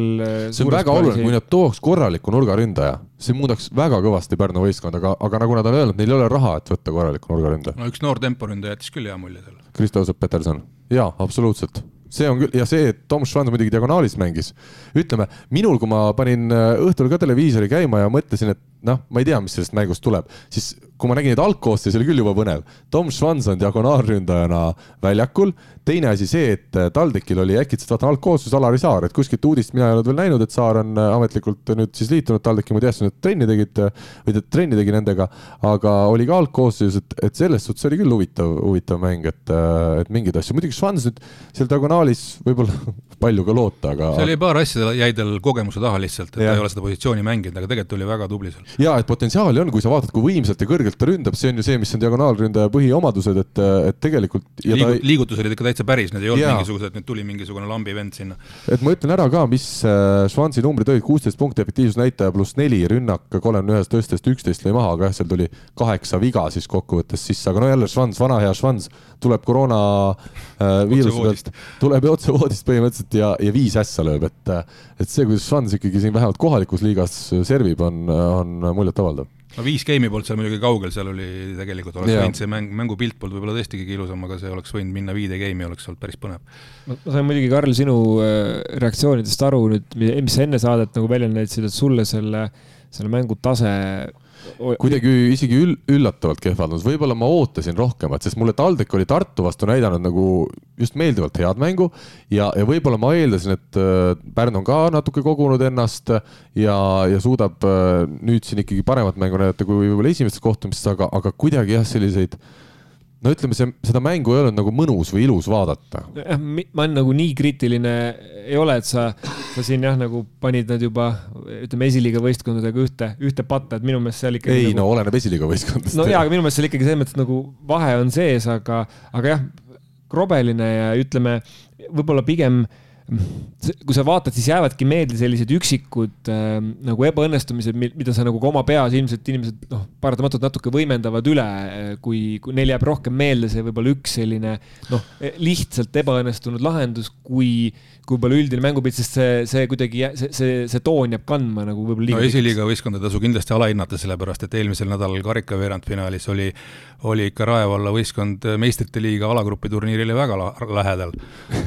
Et kui aga läheme edasi, ma ütlen TalTechi poole, siis Mattias Middel tõi kakskümmend üks punkti pluss üksteist. aga kui me veel Pärnust räägime, siis äh, Pärnu kaotas äh, eelmises mängus, mis ka siis viimase nädala jooksul on peetud, äh, Leedu esiklubile Karkstai Arlangale. Ja no see kaotus oli veel eriti, eriti selge, et, et ma hakkasin vaatama, et tänavu on meil ju üheksa võistkonda ja et üks peab sealt välja jääma ja kui praegu vaadata hooaja algust, siis on see üks võistkond Jelgava, Pärnu või ma arvan, Taugapils. lätlased on ikka nõrgemad. jah, lätlased on, on sel hooajal olnud ikkagi üsna, üsna kehvad ja no loodame, et Pärnu ikkagi kokkuvõttes suudab seal kuskil kuuenda koha kätte saada, aga midagi roosilist ei ole, ma ütlen, kui ikka, no kui ikkagi kritiseerida kedagi, siis see Jean Mauricio, kes on Pärnu teine sidemängija toodud välismaalt, ma ütlen kogu austuse juures Brasiilia rahva ja Brasiilia võrkpalli vastu, aga ikkagi leidub ka sealt sealt riigist mängijaid, kes, kes seda mängu ikkagi tegelikult ei oska, et jah, ütleme nii, et, et kui sidemängija, no sidemängija liigutusi sealt ei tulnud, et need olid, need olid lihtsalt sellised tore mees, kes on näinud võrkpalli ja, ja tahab ka proovida, aga, aga seal jäi ikka kõvasti vajaka. ütleme nii, et hooaja algus on andnud äh, kinnitus sellele, mis me siin vahetult enne hooaega rääkisime, ehk siis Tartu pikk pink läheb veel pikemaks, kui kõik mehed on vigastuspausilt äh, tagasi. TTÜ äh, või siis TalTech on, selline noh mulle tundub, et TalTech mängib nii hästi, nagu mängib ta vastane, mulle praegu seni tundub. seda küll, et ta on nagu erinevatest osadest vaata kokku pandud, et ta ei ole selline ju aastaid kokku mänginud võistkond, et seal on väga palju siuksi, kes on tulnud ühest teisest võistkonnast, aga see, see potentsiaal on olemas, pigem küsimus, et, et noh, nemad pigem äh, lähevad äh, nagu siukses pikas perspektiivis, nad, nad ei, nende tase väga palju ei tõuse, et Selver võib olla selline, kelle tase ka hooaja jooksul astub sammu edasi, kuna seal on nooremaid mängijaid äh, ehk rohkem, et ja nüüd Pärnu on selline nagu, ütleks küsimärk täiesti me oleme siin meistrite liigast rääkinud ja tänu sellele, et tartlased meistrite liigas tänavu mängivad, on ka ikkagi seda korratud, et, et meil on ju Pärnu ESS hooajast kaks tuhat kolm, kaks tuhat neli mänginud meistrite liiga põhiturniiril ehk siis olnud Euroopa ikkagi vaieldamatus tipus. ja kui me vaatame ka, kes meil seal mängijad toona oli ja kuidas mängiti, siis olgugi, et meistrite liigas võitu ei saadud, siis tegelikult oldigi väga tugev klubi ka Euroopa mõistes. ja kuhu nüüd täna on võistkond jõudnud, kui me mäletame veel mõned aastad tagasi, siis Oban Evesatu vedas võistkonna Eesti meistriks ja tundus, et, et kas ikkagi on jälle uue tõusuaeg, siis, siis no aus, aus hinnang on see, et, et mina täna juba kahtlen, äh, kas ja mis sellest Pärnu võistkonnast järgmistel hooaegadel saab, et me teame, täna on Pärnust tulnud väga korralik korvpallimeeskond, kes mängis eurosarja. Äh, Mihkel teab rääkida, kui palju käib Pärnu jalgpalliklubi mänge vaatamas. päris hulka see on ikkagi müstiline, mis tööd on seal tehtud kogukonnaga ja tundub, et see võrkpall on jäänud vaeslapse osasse ja kui ma vaatan äh, vaatan kuidagi ka seda kehakeelt või seda juttu, mida räägivad Aavo Keel või Reio Tilk, võistkonna mänedžer, siis, siis tundub, et see lootus nagu hakkab ka seal sees juba kustuma. Pärnu jalgpalliklubi Vaprus on premium-liiga viimane ja nende keskmine pealtvaatajate arv kodumängudel on viissada viiskümmend kaheksa. Viissada viiskümmend kaheksa ja et see isegi so sobiks nagu, see on keskmine on ju, see, ütleme, see on võrreldav siis Saaremaa võrkpalliklubi hiilgeaegadega, nagu ma vähemalt Just. olen, olen lugenud ja aru saanud, ma küll Saaremaa võrkpalliklubi kodumängudele tol perioodil ei, ei jõudnud, aga noh, see on, see on ikka jõhker, jõhker number, see näitab, et kõik on võimalik, et järelikult klubi on midagi õigesti teinud. aga mis Pärnust nüüd saab äh,, Tiit ja Mihkel, kuidas teile see, kas teile tundub see seis sama nukrana kui mulle ja, ja sama ohtlikuna, et meil võibki juhtuda, et meil on järgmisel aastal vaata et veel kolm võistkonda meistriliigas või, või te nii kriitilisena seda ei näe? ei tahaks uskuda, et ta kuidagi päris ära laguneb, sellest Aavo on ikkagi nii võimas kuju seal ees ja küll nad toetajaid leiavad ja ma arvan, et nad see hooaeg äkki aga ei leia enam, tundub. mulle tundub, et neil on nii raskeks läinud. raske on kõigil vot see on küsimus natuke ka, kuhu sa selle lati paned, et tegelikult meil on praegu see, see, see kõrgliiga siis Eesti poolelt nelja võistkonnaga, et, et see võib-olla on ka natuke noh ma toon jälle paralleeli äh, naisteliigaga, kus see latt selles mõttes ongi madalamal, et seal on nooremad mängijad, seal on noh, võib-olla isegi teadlikult toodud rohkem see, see liiga sellisena kokku. praegu jah, nad, nad kaotavad, võib-olla mõne game'i kaotavad isegi suurelt, aga ma arvan, et nagu pikas perspektiivis eh, see natuke, see ikkagi tõstab seda latti. Ja noh, praegu kuidagi see kõrgliigas mängimine natuke võib-olla üle müstifitseeritud, et, et jah, et kui seal on tõesti igas võistkonnas profimängijad sees, välismängijad sees, siis on tõesti üks tase, aga praegu me ju teame, et sisuliselt eh, noh seda, kes, kes teenib leiba sellega, on seal pigem vähe. noh, Tartu võistkond on, on korralikult äh, komplekteeritud, aga, aga teised pigem äh, noh, on harrastajad, ütleme väga tipptasemel harrastajad ja teevad nagu selles mõttes professionaalselt, aga see ei ole nende põhitegevus, ehk siis nad nad teevad seda kõrvalt, et, et küsimus on ka seal esiliigas nagu või alt, altpoolt tulevates nagu ambitsioonides, et kuidas motiveerida eh, neid, et see konkurents oleks, oleks tihedam, sest mida, mida tihe, mida rohkem on nagu võistkondi, seda seda rohkem see ka motiveerib teisi pingutama, seda huvitavam on, seda rohkem on ka, ma arvan, kajastust sellel kõigel. et eh, noh, praegu, mis päästab, on, eks ole, see ühisliiga eh, lätlaste ja, ja Leedu klubiga, et, et see, see on see, mis mis nagu toob, aga ma ei usu ka, et, et ära nüüd kaob, et, et traditsioonid ikkagi veavad välja, aga, aga noh. kas traditsioonid üksi veavad välja või? no fakt on, fakt, tähendab, äh, fakt on see, et see sõltub praegu ilmselt ähm, nagu äh, nendest eestvedajatest hästi palju, et seda sellist võib-olla laiapõhjalist toetust kindlasti noh, Pärnu on selline linn, et, et seal ka linn, linnastruktuurid äh, on väga huvitatud sellest, et seal oleksid erinevad võistkonnaalad kõrgtasemel esindatud ja, ja noh, samal ajal noh see on nagu üks pool, ehk siis, aga teine pool on näiteks see, et Pärnus oli kunagi ka väga heal tasemel naiste võrkpall ja seda ju ei ole tükk aega olnud. nii et selles mõttes võivad ka kaduda või noh, Rakvere, ma ei oleks ilmselt ette kujutanud, et Rakvere, me mängime meistrivõistlusi ilma Rakvereta kõrgliigas sest noh, minu, minu ütleme, tead, teadvuses on Rakvere rivaal olnud kogu aeg või siis need tema, tema järglased erinevates, erinevate nimedega olnud kogu aeg nagu Eesti absoluutne tipp et selles mõttes seda kõike võib juhtuda, aga noh, ma arvan, et seal on juba liiga palju ka huvitatud osapooli, et seda asja ja see, see ei ole ikkagi nagu sellise noh, ta ei ole sellistel alustel võib-olla nagu Saaremaa oli, et tuleb üks äh, rahakott, kes, kes seda nii-öelda finantseerib, et noh, Pärnu on ju ka ehitatud ikkagi noh, nii linna toetus kui ka eraettevõtete toetus, et see, see on nagu oluliselt laiapõhjalisem igatahes huvitav on äh, jälgida, mis neist saab. Aavo Kelma vaatasin seda Betsafe'ile antud intervjuud ka, äh, kus siis Kalev Kruus talt küsimusi küsis. soovitan vaadata, nagu ikka on Kalev Kruusi ja Aavot äh, mõlemat huvitav kuulata, ükskõik millest nad räägivad ja miks nad räägivad. aga, aga üks huvitav mõte jäi sealt veel ka silma või kõrva, et Aavo ütles, et tema ikkagi mingi hetk plaanib võtta ka noored lapsed, kellega siis hakata tegema noortetööd seal Pärnus ja et talle meeldiks väga olla teine treener. et äh, ma huviga, huviga ootan neid aegu, kui Aava oleks selline kogenud vanameister, kes, kes seal siis Pärnus nii-öelda teistmoodi seda võrkpalli arendaks. et see oli väga tore ja, ja selline hea mõte minu arust. aga äkki tal poegadest kasvavad treenerid ja siis isa on kõrval sihuke kogenud abitreener pärast, miks mitte? miks mitte, miks mitte, muidugi jah, siis ma arvan, isa sõna jääks ikkagi lõpuks peale. Sihuke noh, ütleme eh, kuna noh, sidemängija roll võistkonnas on eh, ju selline aju, eks ole, ta on noh, ta on, ta on eriline, ta on nagu sihuke võib-olla jalkas on see kesk, keskvälja maestro, kes, kes ühendab kogu selle, kogu selle mängu tervikuks, et selles mõttes on, peaks nagu perekond keelel seda treeneri potentsiaali olema küll vilemehi on ka pigem häid tulnud just sidemängijatest, mis on tõsi jah, aga Pärnul siis ootamas ees äh, CEF Challenge Cupi mängud. küll nendele mängudeni on veel aega, tänaseisu siis kolm nädalat, aga, aga küll vaadates praegu seda Pärnu hetkeseisu, siis Tel Avivi Maccabi, kellega mängitakse eurosarja. raske näha, et Pärnu sealt võiks omada isegi mingeid šansse, et, et, et üldse edasi minna. Oota, aga Saaremaal on ka ees eurosarja mängud Sa jah, sa tahad, sa tahad peatuda sel teemal täna? ei, ma ei, ma ei taha, aga ma lihtsalt vaatan, et, et ma vaatan siin võrkpall kahekümne neljas ühte artiklit, kus pealkiri on eelarve on koos, meeskond tuleb kõva ja kaasa lüüakse eurosarjas, on selline pealkiri. et ma siis, ma siis nüüd ootan seda hetke, et ei, loomulikult ma saan aru, mis, mis, mis tegelik seis on ja. seis on siis selline, et kakskümmend viis oktoober ehk siis esmaspäev oli see Äh, ülesandmise tähtaeg, mil pidi mängijad registreerima, aga Saaremaal hetkel ühtegi mängijat veel ei olnud ja seetõttu palus siis võistkonna president ja minu teada ikkagi tänaseni ainus võistkonna tegevliige üldse äh, pikendust alaliidult rahvusvaheliselt või, või Euroopa alaliidult, aga aga kuidas need mängud taanlastega peaksid tulema? ei näe mina, ma tean, äh, Ivar ka kirjutas mulle ja, ja väga-väga selles suhtes sõbralikult suhtub kõike, mis me räägime ja, ja teeme ja palus ka Rivo siis kontakti, et ma ei, kui nüüd üks, üks inimene õnnestub sinna saada euromänguks, siis see on võib-olla Rivo Vesik tõesti, aga ta läks ka selleks nädalaks välismaale puhkama, et võib-olla hoopis pages selle öö, võimaluse eest, aga, aga jah, olukord on keeruline.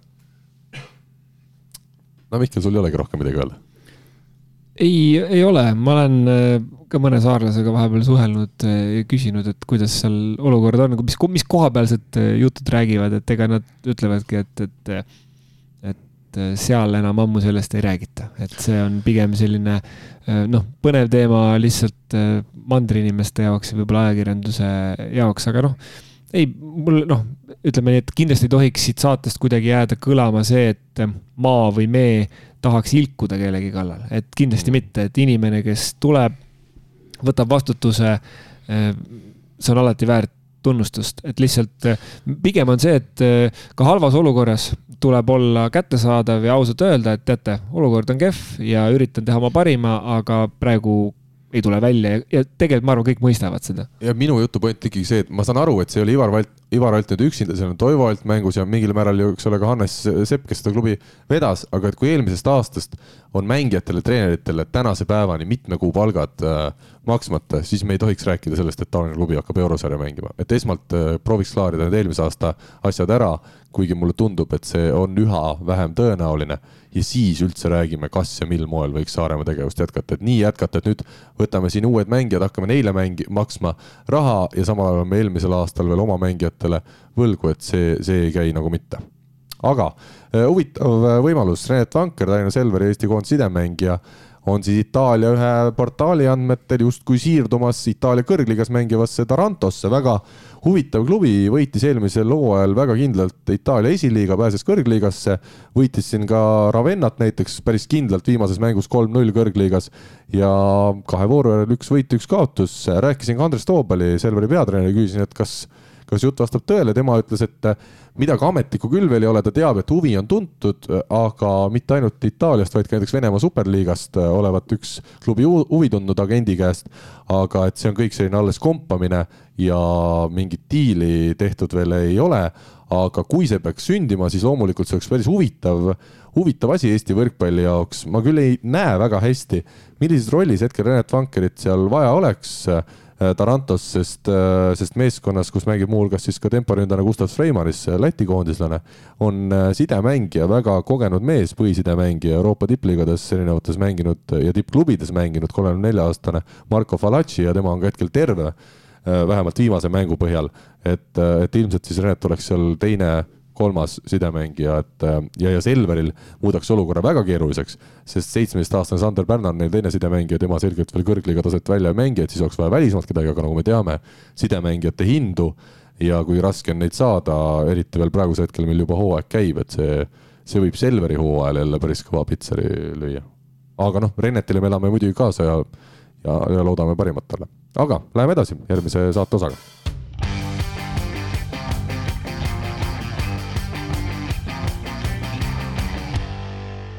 ja nüüd siis tänase saate viimane osa.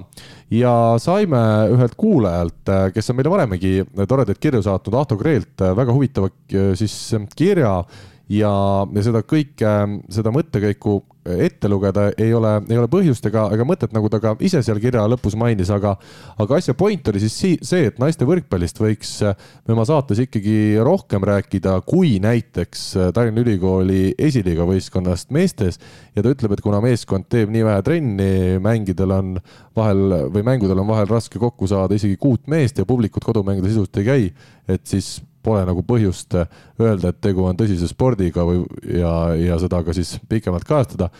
selles suhtes ma olen väga nõus, et me naiste võrkpalli olemegi võtnud sel sügisel rohkem ette ja, ja proovime seda rohkem kajastada. Õnneks ka Mihkel on naiste võrkpalliga hästi kursis, et see on olnud üks asi, mida mida on olnud, ütleme, varasematel aastatel just saate tegijate tõttu vähem, ei ole lihtsalt olnud nii palju kursis-olijaid, aga, aga tõesti anname endast parima, et, et ka seda üha põnevamaks muutuvat naiste võrkpalliliigat meil kajastada, aga, aga esiliigast samas ma ütlen, meeste esiliiga mulle ikkagi tundub täna on, on päris huvitav ja seal on just nendes paremates võistkondades nii palju tugevaid endiseid meistriliiga mängijaid, et, et mingil määral minu arust, mida laiem see kaart on, millest me räägime Äh, seda, seda rohkem võib-olla inimesi me suudame kaasata ja seda rohkem on ka, ütleme, Eesti võrkpall, ütleme, Eesti võrkpallist arusaam võib-olla parem, et, et kui võtta erinevatelt tasanditelt, aga jah, ma olen täitsa nõus, et Eesti esiliigast ja Tallinna Ülikooli võistkonnast igat saadet alustada ei ole ilmselt mõtet. Mihkel, kuidas sulle tundub?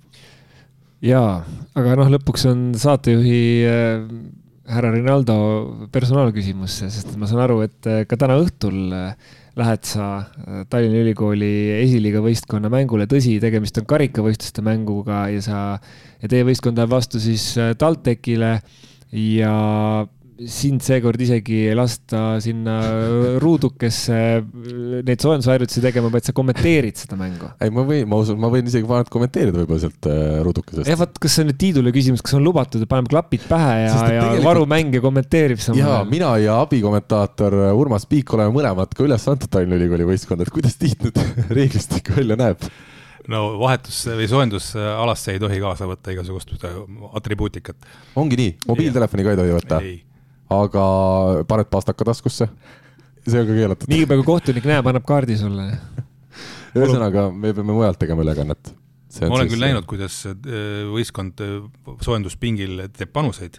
aga, aga. kuidas sa sellesse suhtud? nojah, soojendus, soojenduspingil ei saa sekkuda paraku jah. ahah okei okay., ühesõnaga jah, täna on see karikamäng aset leidmas ja no ikkagi Eesti karikavõistluste raames, ma usun, olgu see esiliiga klubi või mitte, on põhjust rääkida küll toimuvast kui me siin ka tänases saates oleme rääkinud, et kas nüüd Pärnu võistkonna tase näiteks hetkel võiks olla esiliiga tippudega võrreldav või mitte, siis täna me saame väga korra, korraliku ja konkreetse võrdluse, kas TalTech on selgelt üle Tallinna Ülikoolist, kes on siin olnud meil meistriliigas või e-, esiliigas viimastel aastatel ülekaalukalt parim võistkond oma tuntud nimede ja nägudega. ja ma arvan, et see Tallinna Ülikooli spordihoone tuleb riiki rahvast täis täna tõenäoliselt. ja no sinna mahub umbes, ma ei tea, kolmkümmend, nelikümmend, viiskümmend inimest. nojah, umbes viiskümmend, et siis läheb juba kitsaks, et sest et kui käisingi vaatamas äh, siin nädala alguses äh, või oli see pühapäeval, Tallinna Ülikool Kikas mängis äh, Rae spordikool Viastoniga, siis naiste meistriliiga mängu, siis seal oli protokolli järgi kolmkümmend viis pealtvaatajat ja see oli juba sihuke lähedal täismajale. sa mahtusid sinna sisse? no ma tulin varakult kohale oh.. tulin soojenduse ajal juba, et ma eelmine kord jäin hiljaks natukene, et seekord ma tulin, tulin varakult kohale. aga mis sa usud, kas Tallinna Ülikoolil tekib TalTechi vastu varianti? ma, oota, ma vahepeal võib-olla hea hea küsimus. ma ei tea, palju teavad nüüd inimesed neid äh, mängijaid, no TalTechist me oleme rääkinud, äh, Martti Keel veab ja seal on Mattias Midelid ja Rauno Tammed ja Rasmus Meiused ja ja Kevin Saared, aga Tallinna Ülikoolis ütleme, eeldav põhikoosseis, loeme selle ette, sidemängija Karel Ellermaa, pikaaegse meistriga kogemusega nurgaründajad Sander Steinberg, Tanel Uusküla ei vaja ilmselt pikemat tutvustamist üldse, mõlemad võitnud Eestis erinevaid äh, tiitleid või, või olnud vähemalt äh, medalil palju kordi. temporündajad Taavi Prei, Kaur Palang võib-olla vähe tund-, tundmatumad mehed, aga Taavi Prei samas Saaremaa ikkagi meistriliiga võistkonnast ka tuttav. Äh, diagonaalründaja Karl Maidla ilmselt, sest Siim Põlluäär ikkagi praegu veel natukene vigastatud tööga eemal Tallinnast ja liber on Nils Rüühka ütleme nii, et Karl rääkis praegu välja algkoosseisu TalTechile, et, et siin no, ütleme, Jaanis Sirel puhul pole vaja nagu eeltööd rohkem teha. ma tean, et Tallinna Ülikooli mehed ongi siukse laia, laia jutuga tihti, et. mulle tundub, mulle tundub küll jah. nad ei karda midagi, ma arvan. Nad ei karda midagi, aga ei, ma arvan, et eh, see mäng ei tule kindlasti nagu niimoodi kiire kolm-null, et, et no.. eriti Tallinna Ülikooli kodus. ja just täpselt, ma tahtsin öelda, et see saal ka veel lisab siia natuke juurde, aga ma ei usu ka, et, et nagu nüüd eh, TalTech kuskil võitmisega nagu pikas perspektiivis probleeme tekib, aga need game'id ei saa olema kindlasti sellised kakskümmend viis, kaheksa, vaid ikkagi äh, noh, ja sest noh, see ongi see karikavõistluste võlu, et eeldatavalt nõrgemal on lisamotivatsioon ja, ja sellel tippklubil on ainult kaotada, tal nagu võita selles noh, sisuliselt pole võimalik, sest noh, kui sa võidad, siis noh, kõik ütlevad, et aga nii pidigi ju minema, kui sa kaotad, siis ütled, et kuidas sa nüüd kaotasid, eks ole, ja samal ajal sellel teie võistkonnal esiliigast pole ka ju midagi. Äh, mulle meeldib, kui sa ütled ikka teie võistkond, ma nagu ise veel ei tunne ennast väga. ma ei tea, sa oled nimekirjas. ma ei ole kordagi väljakul käinud ja mõnes trennis osalenud, aga juba no, nagu oleks no, klubi president. no mängule oled sa üles antud ja soojendusel osalen, nii et. Äh, ei, soojendusel ei osale täna ikkagi. ei, aga ma mõtlen mitte täna, vaid varasemalt. selles mõttes no.. mina ka ennustan puhtalt sellepärast, et Tallinna Ülikooli need esimesed mängud esiliigas ei ole olnud väga veenvad, ma ennustan ikkagi TalTechi tänast kolm-null võitu aga nagu ka Mihkel ütles, ma ei usu, et ükski game tuleb kakskümmend viis kaheksa numbritega, aga ma arvan, et sihuke kakskümmend viis, kakskümmend äh, umbes kõik kolm äh, game'i võiksid olla ja, ja kui juba TalTech mängib kodus, on see, on see vahe suurem, aga, aga Tallinna Ülikoolis jah, see madal lagi, mis on veel madalam kui siis TalTechis, et et see võib ikkagi neid koduvõistkondi vahel natuke aidata. ja kes läheb sinna Tallinna Ülikooli saali, siis vaadake kindlasti seal laes äh, nende valgustite ümber on sellised puurid. Ja, ja mis kaitsevad need valgustid, seal puuride sees on juba kaks võrkpalli, nii et äh, see on eriti täpsed mehed, kes on suutnud ja eriti tugevalt, kes on suutnud need pallid sealt sellest puuri vahest läbi lüüa Tiit, mis sina arvad, äh, kas läheb põnevaks selles paaris, mis on ikkagi veerandfinaalis kõige oodatum igal juhul? no eelmine nädal ju oli analoogne vastasseis ju esiliiga ja Bigbanki võistkondade vahel, et mis olid väga tasavägised game'id. ja ühes game'is ütleme nii, et oli ikka Bigbank väga suures hädas ja Bigbank no, ei mänginud, ei mänginud, ei, jaa, ei, miks ei mänginud, Juhkami oli väljakul ja aga kõik ikkagi kõige paremad mehed ei olnud platsil no Rikberg oli koju jäetud, aga ei, olid, olid ikka, olid ikka ju, mängis ka ju see Lepik, et ühesõnaga mina ei ütleks, et nad, et nad nagu alaandsid, aga tempot nagu väristasid seal Tartu poole peal ja esi, esiliiga võistkond oli game'i võidule väga lähedal. aga täna noh, nagu sa ütlesid, ma arvan ka, et, et ikkagi meistriliiga sats võtab oma aga räägime naiste võrkpallist nüüd siis. Ahto küll kirjutas, et ärge esiliigast ja Tallinna Ülikoolist rääkige ja ainuke asi, mis me tegime, oli, me rääkisime umbes kümme minutit jälle sellest. täpselt, et ma just mõtlesin, ma jälgisin seda, et kuhu see nüüd läheb, et kuhu saatejuht Reinaldo selle asja nagu tüürib, aga ei, räägime muidugi naiste mis võrkpallist. viimase nädala jooksul, minu jaoks oli huvitav see Tartu teise naiskonna eilne mäng Võruga. vaatasin, nad said esimese punkti meistriks kätte, palju õnne neile selle puhul, aga samas Võrul ei olnud ka kõik mängijad kohal. ja Võrul ei olnud äh siin näiteks Pahmatsevi ja, ja Kroomanist rääkimata, aga game'id jah, siis kes, kes jälginud ei ole, siis Võru siis äh, Tartu TBD Biodiscovery vastu võitis esimesed kaks game'i küll väga tasavägiselt, kakskümmend viis, kakskümmend kolm, kakskümmend kuus, kakskümmend neli. Ja siis äh, omakorda Tartu võttis võidud kolmkümmend üks, kakskümmend üheksa, kakskümmend seitse, kakskümmend viis. Ja viimane game siis viisteist üheksa Võrule, nii et äh, noh, kusjuures ma vaatan, mäng oleks kaheksateist kolmkümmend, no nad mängisid ikka keskööni umbes seal. Nad mängisid ikka väga kaua, et Võrust tagasi Tartusse jõuti ikka päris hilja, aga noh, see oli jah, nagu tulemusena üllatav, äh, aga jah, kui vaadata koosseisu, siis võib-olla nii üllatav ei ole, aga, aga hea, et, et, et see, see ei ole nii ühepoolne, sest noh, tegelikult mäng, mida ma vaatamas käisin, oli, oli selles mõttes ühepoolne, et esimene game kakskümmend viis, kaheksa aga teises ja, ja kolmandas game'is kakskümmend viis, kakskümmend, kakskümmend viis, kaheksateist võitis siis Tallinna Ülikool seda Rae-spordikooli, aga seal teises ja kolmandas game'is ikkagi äh, Rae läks ette alguses, päris korralikult läks ette, seal mingi noh, ma ütlen peast mingi neli-null või, või kaheksa-kolm või noh, mingid siuksed seisud enam-vähem. ja see läks tükk aega aega, et äh, nagu Tallinna Ülikool nagu noh, järele tuleks ja, ja mööda läheks ja tegelikult ei saanud äh, Sten Esna noh, vahetada niimoodi, et noh, paneme nüüd varumängijad sisse või kuidagi taoliselt, ta pidi hoidma praktiliselt põhikoosseisu noh, mitte nüüd päris terve mängu, ta sai natukene varieerida, aga aga, aga sisuliselt ta ikkagi mängis põhimängijatega algusest lõpuni. Ja noh, miks see nii oli, et ma, ma tahaks öelda, et natuke vist kipub nii olema, et sa kohandad oma mängu nagu vastase tasemest lähtuvalt. ja see on eriti võib-olla noorema võistkonna puhul, nagu on Tallinna Ülikoolil ka, et et sa võtad selle esimese game'i hurraaga ära ja siis võtad, et noh, küll ta tuleb ja olen ka ise platsil olnud ja tean, et see justkui noh, platsil olles sa noh, tegelikult nii ei mõtle, vähemalt teadlikult nii ei mõtle, aga, aga see kuidagi tuleb niimoodi välja, sest noh, äh, Raigo Tatrik äh, Rae spordikooli eesotsas tegi jällegi noh, ka omajagu vahetusi, tõi sealt, tõi sealt pingilt noh, mängijaid, keda mina noh, loomulikult nägin esimest korda mängimas üldse seda Rae spordikooli võistkonda, ma nägin, et võib-olla mõned mängijad ma olen siin noorteklassis, noorteklassis võistlustel, võistlustel näinud, aga, aga ta vahetas seal päris, päris hulka ja tegelikult noh ta ühes intervjuus ka Tatrik vist ütles, et noh, see on noh, ta nagu kaitses seda, et nad tulid meistriliigasse ja ma olen nagu nõus, see keskmine vanus on seal tõesti mingi circa kuusteist eluaastat.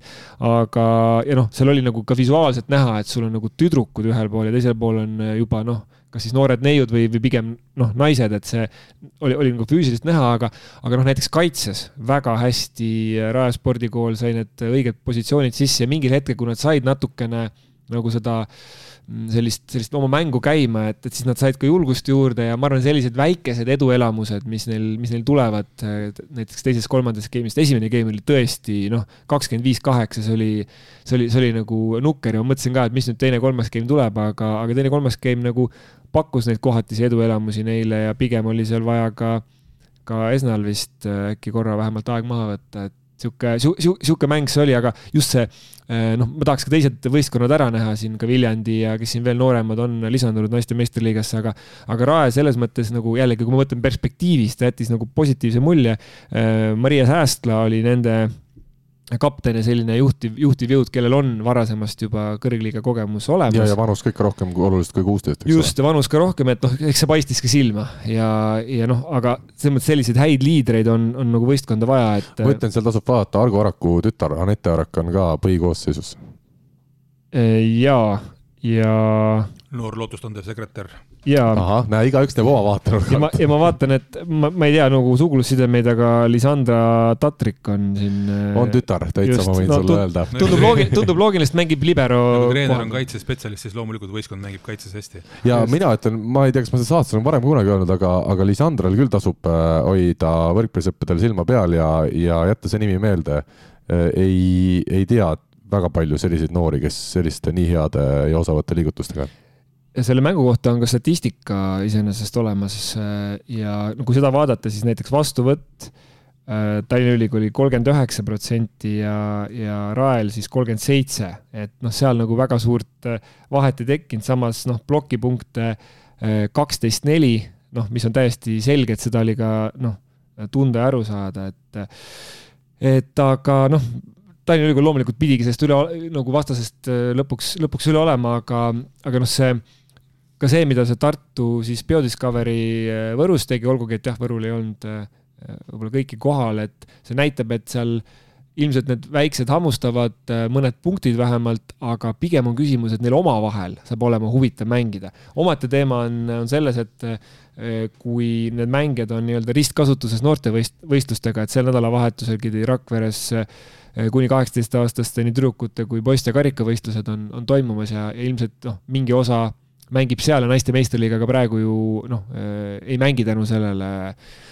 nii et noh, aga... erinevad küsimused üks asi on mängijad, teine asi on ikkagi peatreenerid, kaks, ütleme, legendaarset liberat, Sten Esna ja Raigo Tatrik, palju nad ise liblikaid viskasid seal mängu ajal? no nad olid tegelikult ikkagi suhteliselt emotsionaalsed ja nagu noh, ainult kõige positiivsemas mõttes.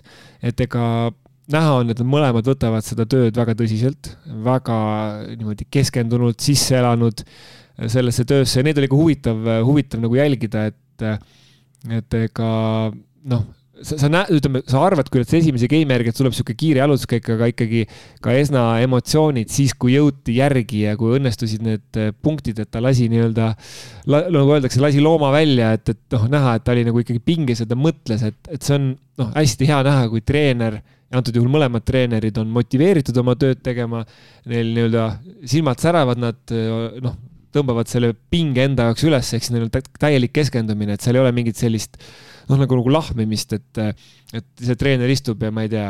aga Raigo Tatrik oli pigem tagasihoidlikum kui Sten või pigem mitte? no ikkagi elas rohkem. elas rohkem kaasa. ütleme selles mõttes, et ta on niisugune ikkagi emotsionaalsem, ka oli ka väljakul emotsionaalsem mängijana, vähemalt nii palju, kui mina mäletan teda, teda mängijana. Ja noh, ta ikkagi kõndis rohkem ringi ja noh, ütleme, kui, kui keegi kohtuniku suunas mõne sellise hästi väikese ja viisaka sellise märkuse tegi, siis oli see, oli see tema esimeses game'is ühes, ühes kohas, mul jäi meelde, aga ei, see oli sihuke hästi, hästi viisakas ja tore. Äh, Tiit, kui on jälle kohtunikel, paneb, pannakse paika, et kes mis mängu järgmistel nädalatel vilistavad ja tulebki Raigo Tatriku võistkond, olgu siis noorteklassis või täiskasvanute seas, kas siis on nii, et kõik kohtunikud ütlevad, oi, mul on perega, mul on suur ämma juubel ja kestab kohe, kohe terve õhtu. ei, minule Raigo Tatrik meeldis mängijana ja meeldib ka treenerina selles mõttes, et ei, minu arust on väga lahe tüüp, aga eks ta, eks ta aeg-ajalt nagu kompab neid piire ja keeb üle ka, aga, aga ei no selge, saad, saad hakkama ühesõnaga ikkagi. Äh, ma kiidaks Steni siin, Sten Esnat veel selle eest, et, et mulle meeldib, kuidas Sten on võtnud natukene enda asjaks ka selle, et see naiste võrkpall jõuaks laiemasse pilti. Ja muuhulgas siis Sten tegi pärast mängu ise intervjuu mõlema võistkonna parima mängijaga, et, et ei ole päris nii, et peatreener peab tegema ainult peatreeneri tööd. Täna, eriti sellisel harrastustasemel miks mitte aidata ka muude asjadega kaasa ja, ja Sten on selles suhtes tubli. ja nende mängud on ju alati ka Facebooki otseülekandes nähtavad, et Tallinna Ülikooli võrkpalli Facebooki lehel, nii et kiidame kiidame, kiidame. Äh, lõpetuseks, meil on tulnud jälle paarilt kuulajalt küsimus, et mis seis on nüüd nädalaga muutunud Tallinna Tehnikaülikool Treidausi naiskonna osas. Mina ütlen ausalt, et ei ole ma infot saanud viimase nädala jooksul enam juurde. kas Mihkel, sinul on mingeid teadmisi? ei ole, ma lihtsalt vaatan siin noh, mulle meeldib, mulle meeldib kalendreid vaadata alati, eks ole, et, et ma lähtun sellest, et, et TalTechil on täiesti üks mäng siin naiste meistriliiga kalendris kahekümne üheksandal jaanuaril kaks tuhat kakskümmend kaks Rae spordikooliga on neil, on neil siin mäng ette nähtud ja, ja kui ma siin veel vaatan, siis neil on ka Balti Balti liigas kolmekümne esimeseks oktoobriks kirjade järgi siin mäng ette nähtud Jonavas Sports Arenal. üks mäng on siin mängitud, üks mäng on märgitud Tagopil, siis on siis edasi lükatud, aga see kolmekümne esimese oktoobri mäng vähemalt kalendris on, ma saan aru, ja reaalsuses loomulikult seda ei toimu no Daugavpilsi mäng on kindlasti sellepärast Läti olukorra pärast edasi lükatud, aga Leedu mäng jah ei. aga noh, ma ütlengi, et täna on kakskümmend kaheksa oktoober, et kolmkümmend üks oktoober vaevalt nad mängitakse. peaksid mängima.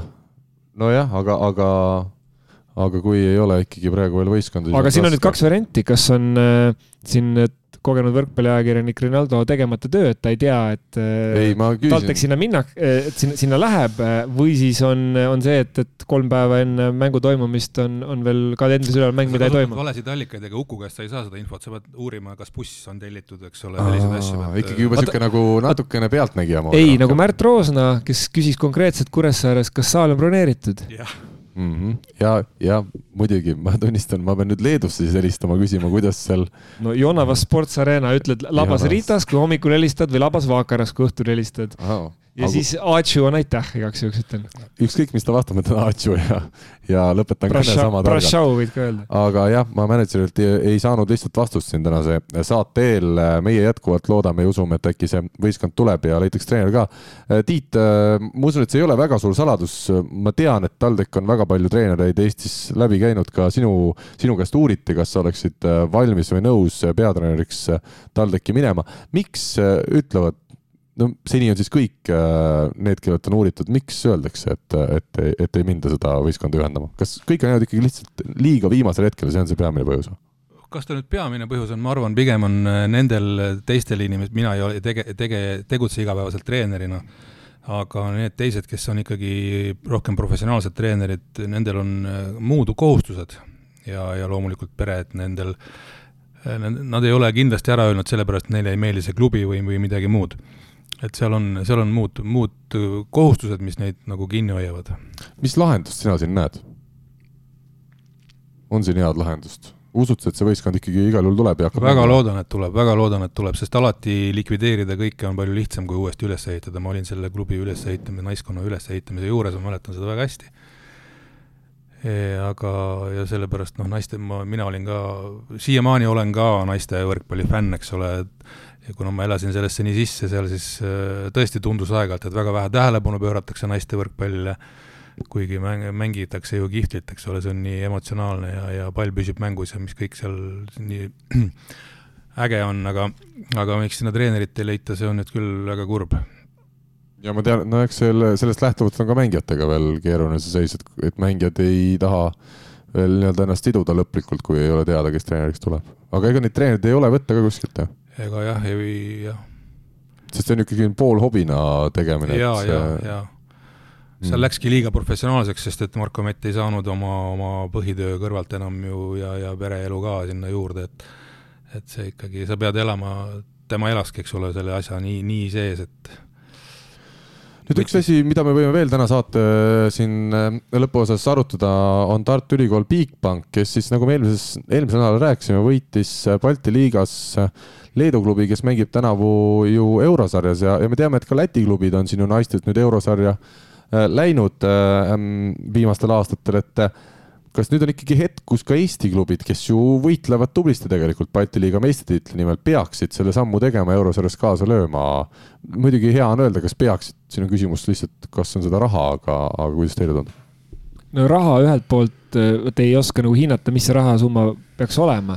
ma tegin, ma tegin, ma ütlen ära ka, ma tegin Hendrik, no ütleme, minu kalkulatsioon oli see, et ma võtsin ühendust Hendrik Rikandi, Tartu klubi siis peatreeneri ja mänedžeriga. ma ütlen, et meil on äh, tähelepanelikud saatekuulajad, kes, äh, see on nagu, nagu nende joomismängudega, et kui on mingi sõna, mis öeldakse, et siis on vaja nagu klaasi tõsta, et siis Rikand on üks sõna, et jälgitakse, et kas me mainime teda. senimaani iga saade oleme vähemalt korra maininud. oota, ma ei, ma nüüd ei tea, kui sina kui karsklane, kuidas joogimängud sul käivad, mis limonaadi, aga ma siis ütlen lihtsalt nendele, kes sedasi mängivad, Rikand, Rikand, Rikand, Rikand, Rikand, Rikand, Rikand ja nüüd äh, edu siis nendele sõpradele, kes hetkel seda mängu mängivad.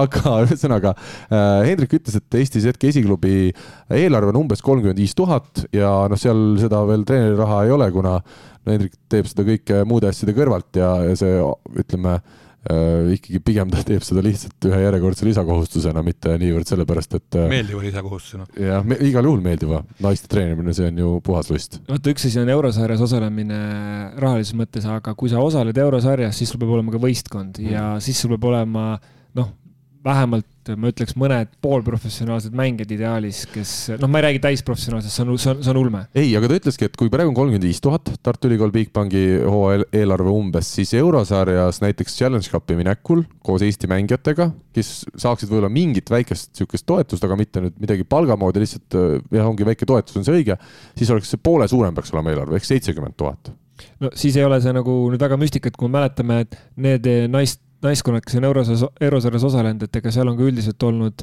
võib-olla üks-kaks suuremat toetajat, et me mäletame noh, ilmselt Tiit. Kohila. jah, Kohila või, või äh, kas, kas Milstrand oli ka, äh, kas eurosarja ei mänginud? Nad käisid äh, mängimas Soome liigat. Soome liigat jah, ühesõnaga, kes on, kellel on niisuguseid kontakte olnud, et seal on ikkagi väga konkreetne noh, ütleme idee, idee selles mõttes olnud, et on üks või kaks no. see oli koondise baasklubi, eks ole, tollal nii Milstrand kui eks, eks ole, hiljem Kohila, et et sellel oli mingi oma point, aga ega lihtsalt muidugi osalema minna ei ole mõtet, eks ole, kui sul ei ole pikemat perspektiivi ka. no võib-olla jah, kui, kui tekita, kui me räägime püsirahastustest, et üks püsirahastusallikas oleks omavalitsus.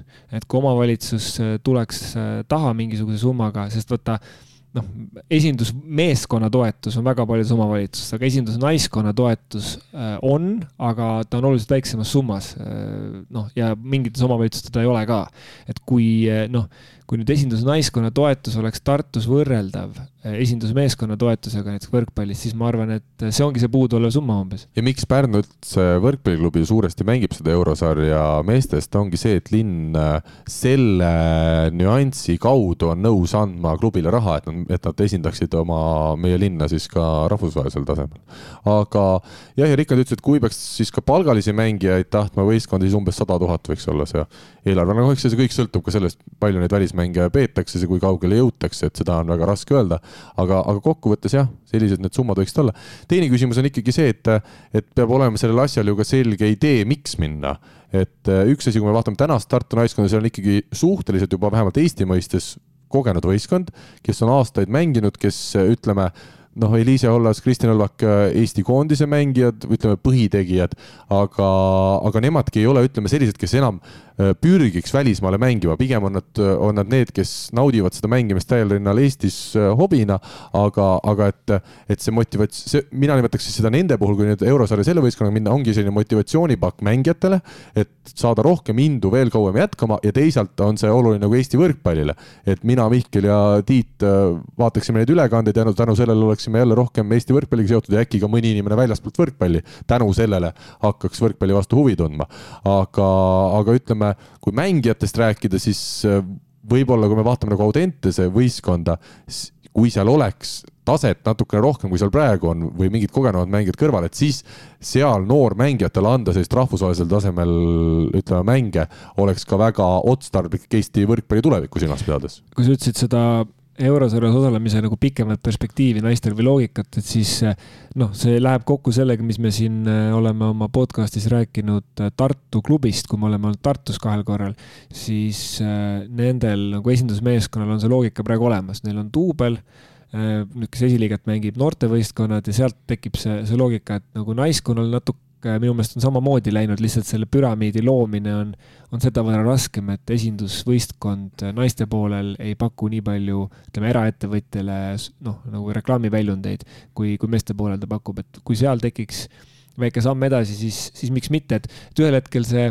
noh, see ongi küsimus süsteemi loomises, mis ennast ikkagi nagu taastoodaks ja mis oleks jätkusuutlik, sest ühekordse pingutusena võib igast asju teha, aga, aga me oleme lugenud siin ka hiljuti Märt Roosna sulest äh, ja, ja ka teistest, ähm, siin oli üks pikem, pikem lugu ühe, ütleme, niisuguse ilusa unistuse noh, purunemisest, kus lihtsalt äh, pingutati, taheti parimat, aga, aga noh, lõpuks lihtsalt rahast ei puudu, et see, et noh, see lühikeses perspektiivis on võimalik kõike teha, aga just, et see pikk idee peaks olema aga juhul, kui Tartu naiskond järgmisel aastal peaks oma põhituumiku kõik säilitama, siis äh, klassi, mänguklassi osas võiks küll eurosarjas kaasa lüüa, et selle igal juhul meie poolt roheline tuli, aga me teame, kui raske on täna leida Eesti spordis raha juurde. Äh, juba nende eelarvete säilitamine on omaette suur töö. aga ma arvan, et meil on aeg saade kokku võtta. Mihkel, mis sa arvad, kaua läks täna? Läks umbes nii nagu ikka, mingi kaks tundi äh, saate mõistes, aga mulle väga meeldis see, et no minu arust sellel saatel on alati nagu lisaks sellisele päevakajalisele jutule võiks ja peaks olema ka mingi selline teadlikkust tõstev või hariv pool, nimetame siis niimoodi, et noh, nalja saab siin loomulikult ka aeg-ajalt, aga, aga, aga, aga selline hariduslik pool ja täna tänu Tiidule oli see väga jõuliselt esindatud ja ma arvan, et et selliseid asju, noh, kui me, kui me leiame, suudame Karliga välja mõelda ise või, või kui, kui te kirjutate kuulajad Karlile ideid, et siis, siis miks mitte veel selliseid võrkpalliosi nagu puudutada, et minu meelest see jättis, jättis küll, kui ma, kui ma üritan ennast panna kuulaja seisukohta, et ma loodan, et kuulajad said ka vastuseid mingitele sellistele huvitavatele küsimustele, mida nad ehk ise on ka võrkpalli mängides või vaadates mõelnud. jah, aitäh sulle, Tiit, igatahes me soovime sulle kõike paremat äh, kõigis sinu tegemistes loodame, et sa oled ikkagi võrkpallilainel äh, pikki aastaid veel ja, ja tunned selle ala vastu suurt huvi, nii nagu sa igal juhul teed. no mina olin pisut kurb, et täna ei sai nii vähe nalja, aga tegelikult kohtunikud ei ole üldse nii mornid inimesed, aga, ja kui on ikkagi küsimusi, siis läbi Karli võib meile neid küsimusi ka saata, kui teised otse, otseliini ei leita. ja kes tahaks kedagi spetsiifilist või spetsiaalset meie saates näha või tahaks kedagi mitte kuulda, kuulda või kes tahaks vähem kedagi kuulda, võite ka seda märku, ma tean muidugi, et sealt hakkab. ma teen nüüd mitu seda hakkab, aga... anonüümkontot ja kirjutan, et võtke Rinaldo eetrist maha. aga ei, tegelikult tõesti see, noh nii teemade kui, kui saatekülaliste osas, et, et eks me ju aeg-ajalt siin mõtleme ja arutame ja Tiidu, Tiidu mõttegi tuli sellise ühise arutelu käigus ja noh kindlasti leiab neid osiseid ja kui, võib-olla võiks isegi täitsa avalikult seda üles kutsuda, et kui mõni naiste võrkpalliga seotud inimene tunneb, et teate, mul on midagi öelda, siis kirjutage Karlile, äkki äh, istume siinsamas laua taga ja arutame seda asja. ja see oli nüüd Mihkli garantii see, see, Mihkel lubas seda praegu. ei, igal juhul mina olen tegelikult täpselt sama meelt, et kui, kui ikkagi huvitavaid inimesi jagub, kellel on, on midagi rääkida, siis me omalt poolt anname kõik, et, et seda ka, seda võimalust neile anda aga ühesõnaga täna õhtul kell üheksateist viisteist otseülekanne Võrkpalli kahekümne neljas. Tallinna Ülikool ja Tallinna Tehnikaülikool siis Eesti karikavõistluste esimeses veerandfinaalis minemas. tuleb järgmine lugejakiri, et millega saadet ei lõpetata nii et püsige lainel ja nendele, kes täna joogimängu mängivad, siis lõpetame saate sõnadega Rikand, Rikand, Rikand, Rikand. olge tublid, kohtume jälle nädala pärast. nägemist, nägemist.. Eesti kõige põnevamad podcastid on Delfis, kuula tasku.delfi.ee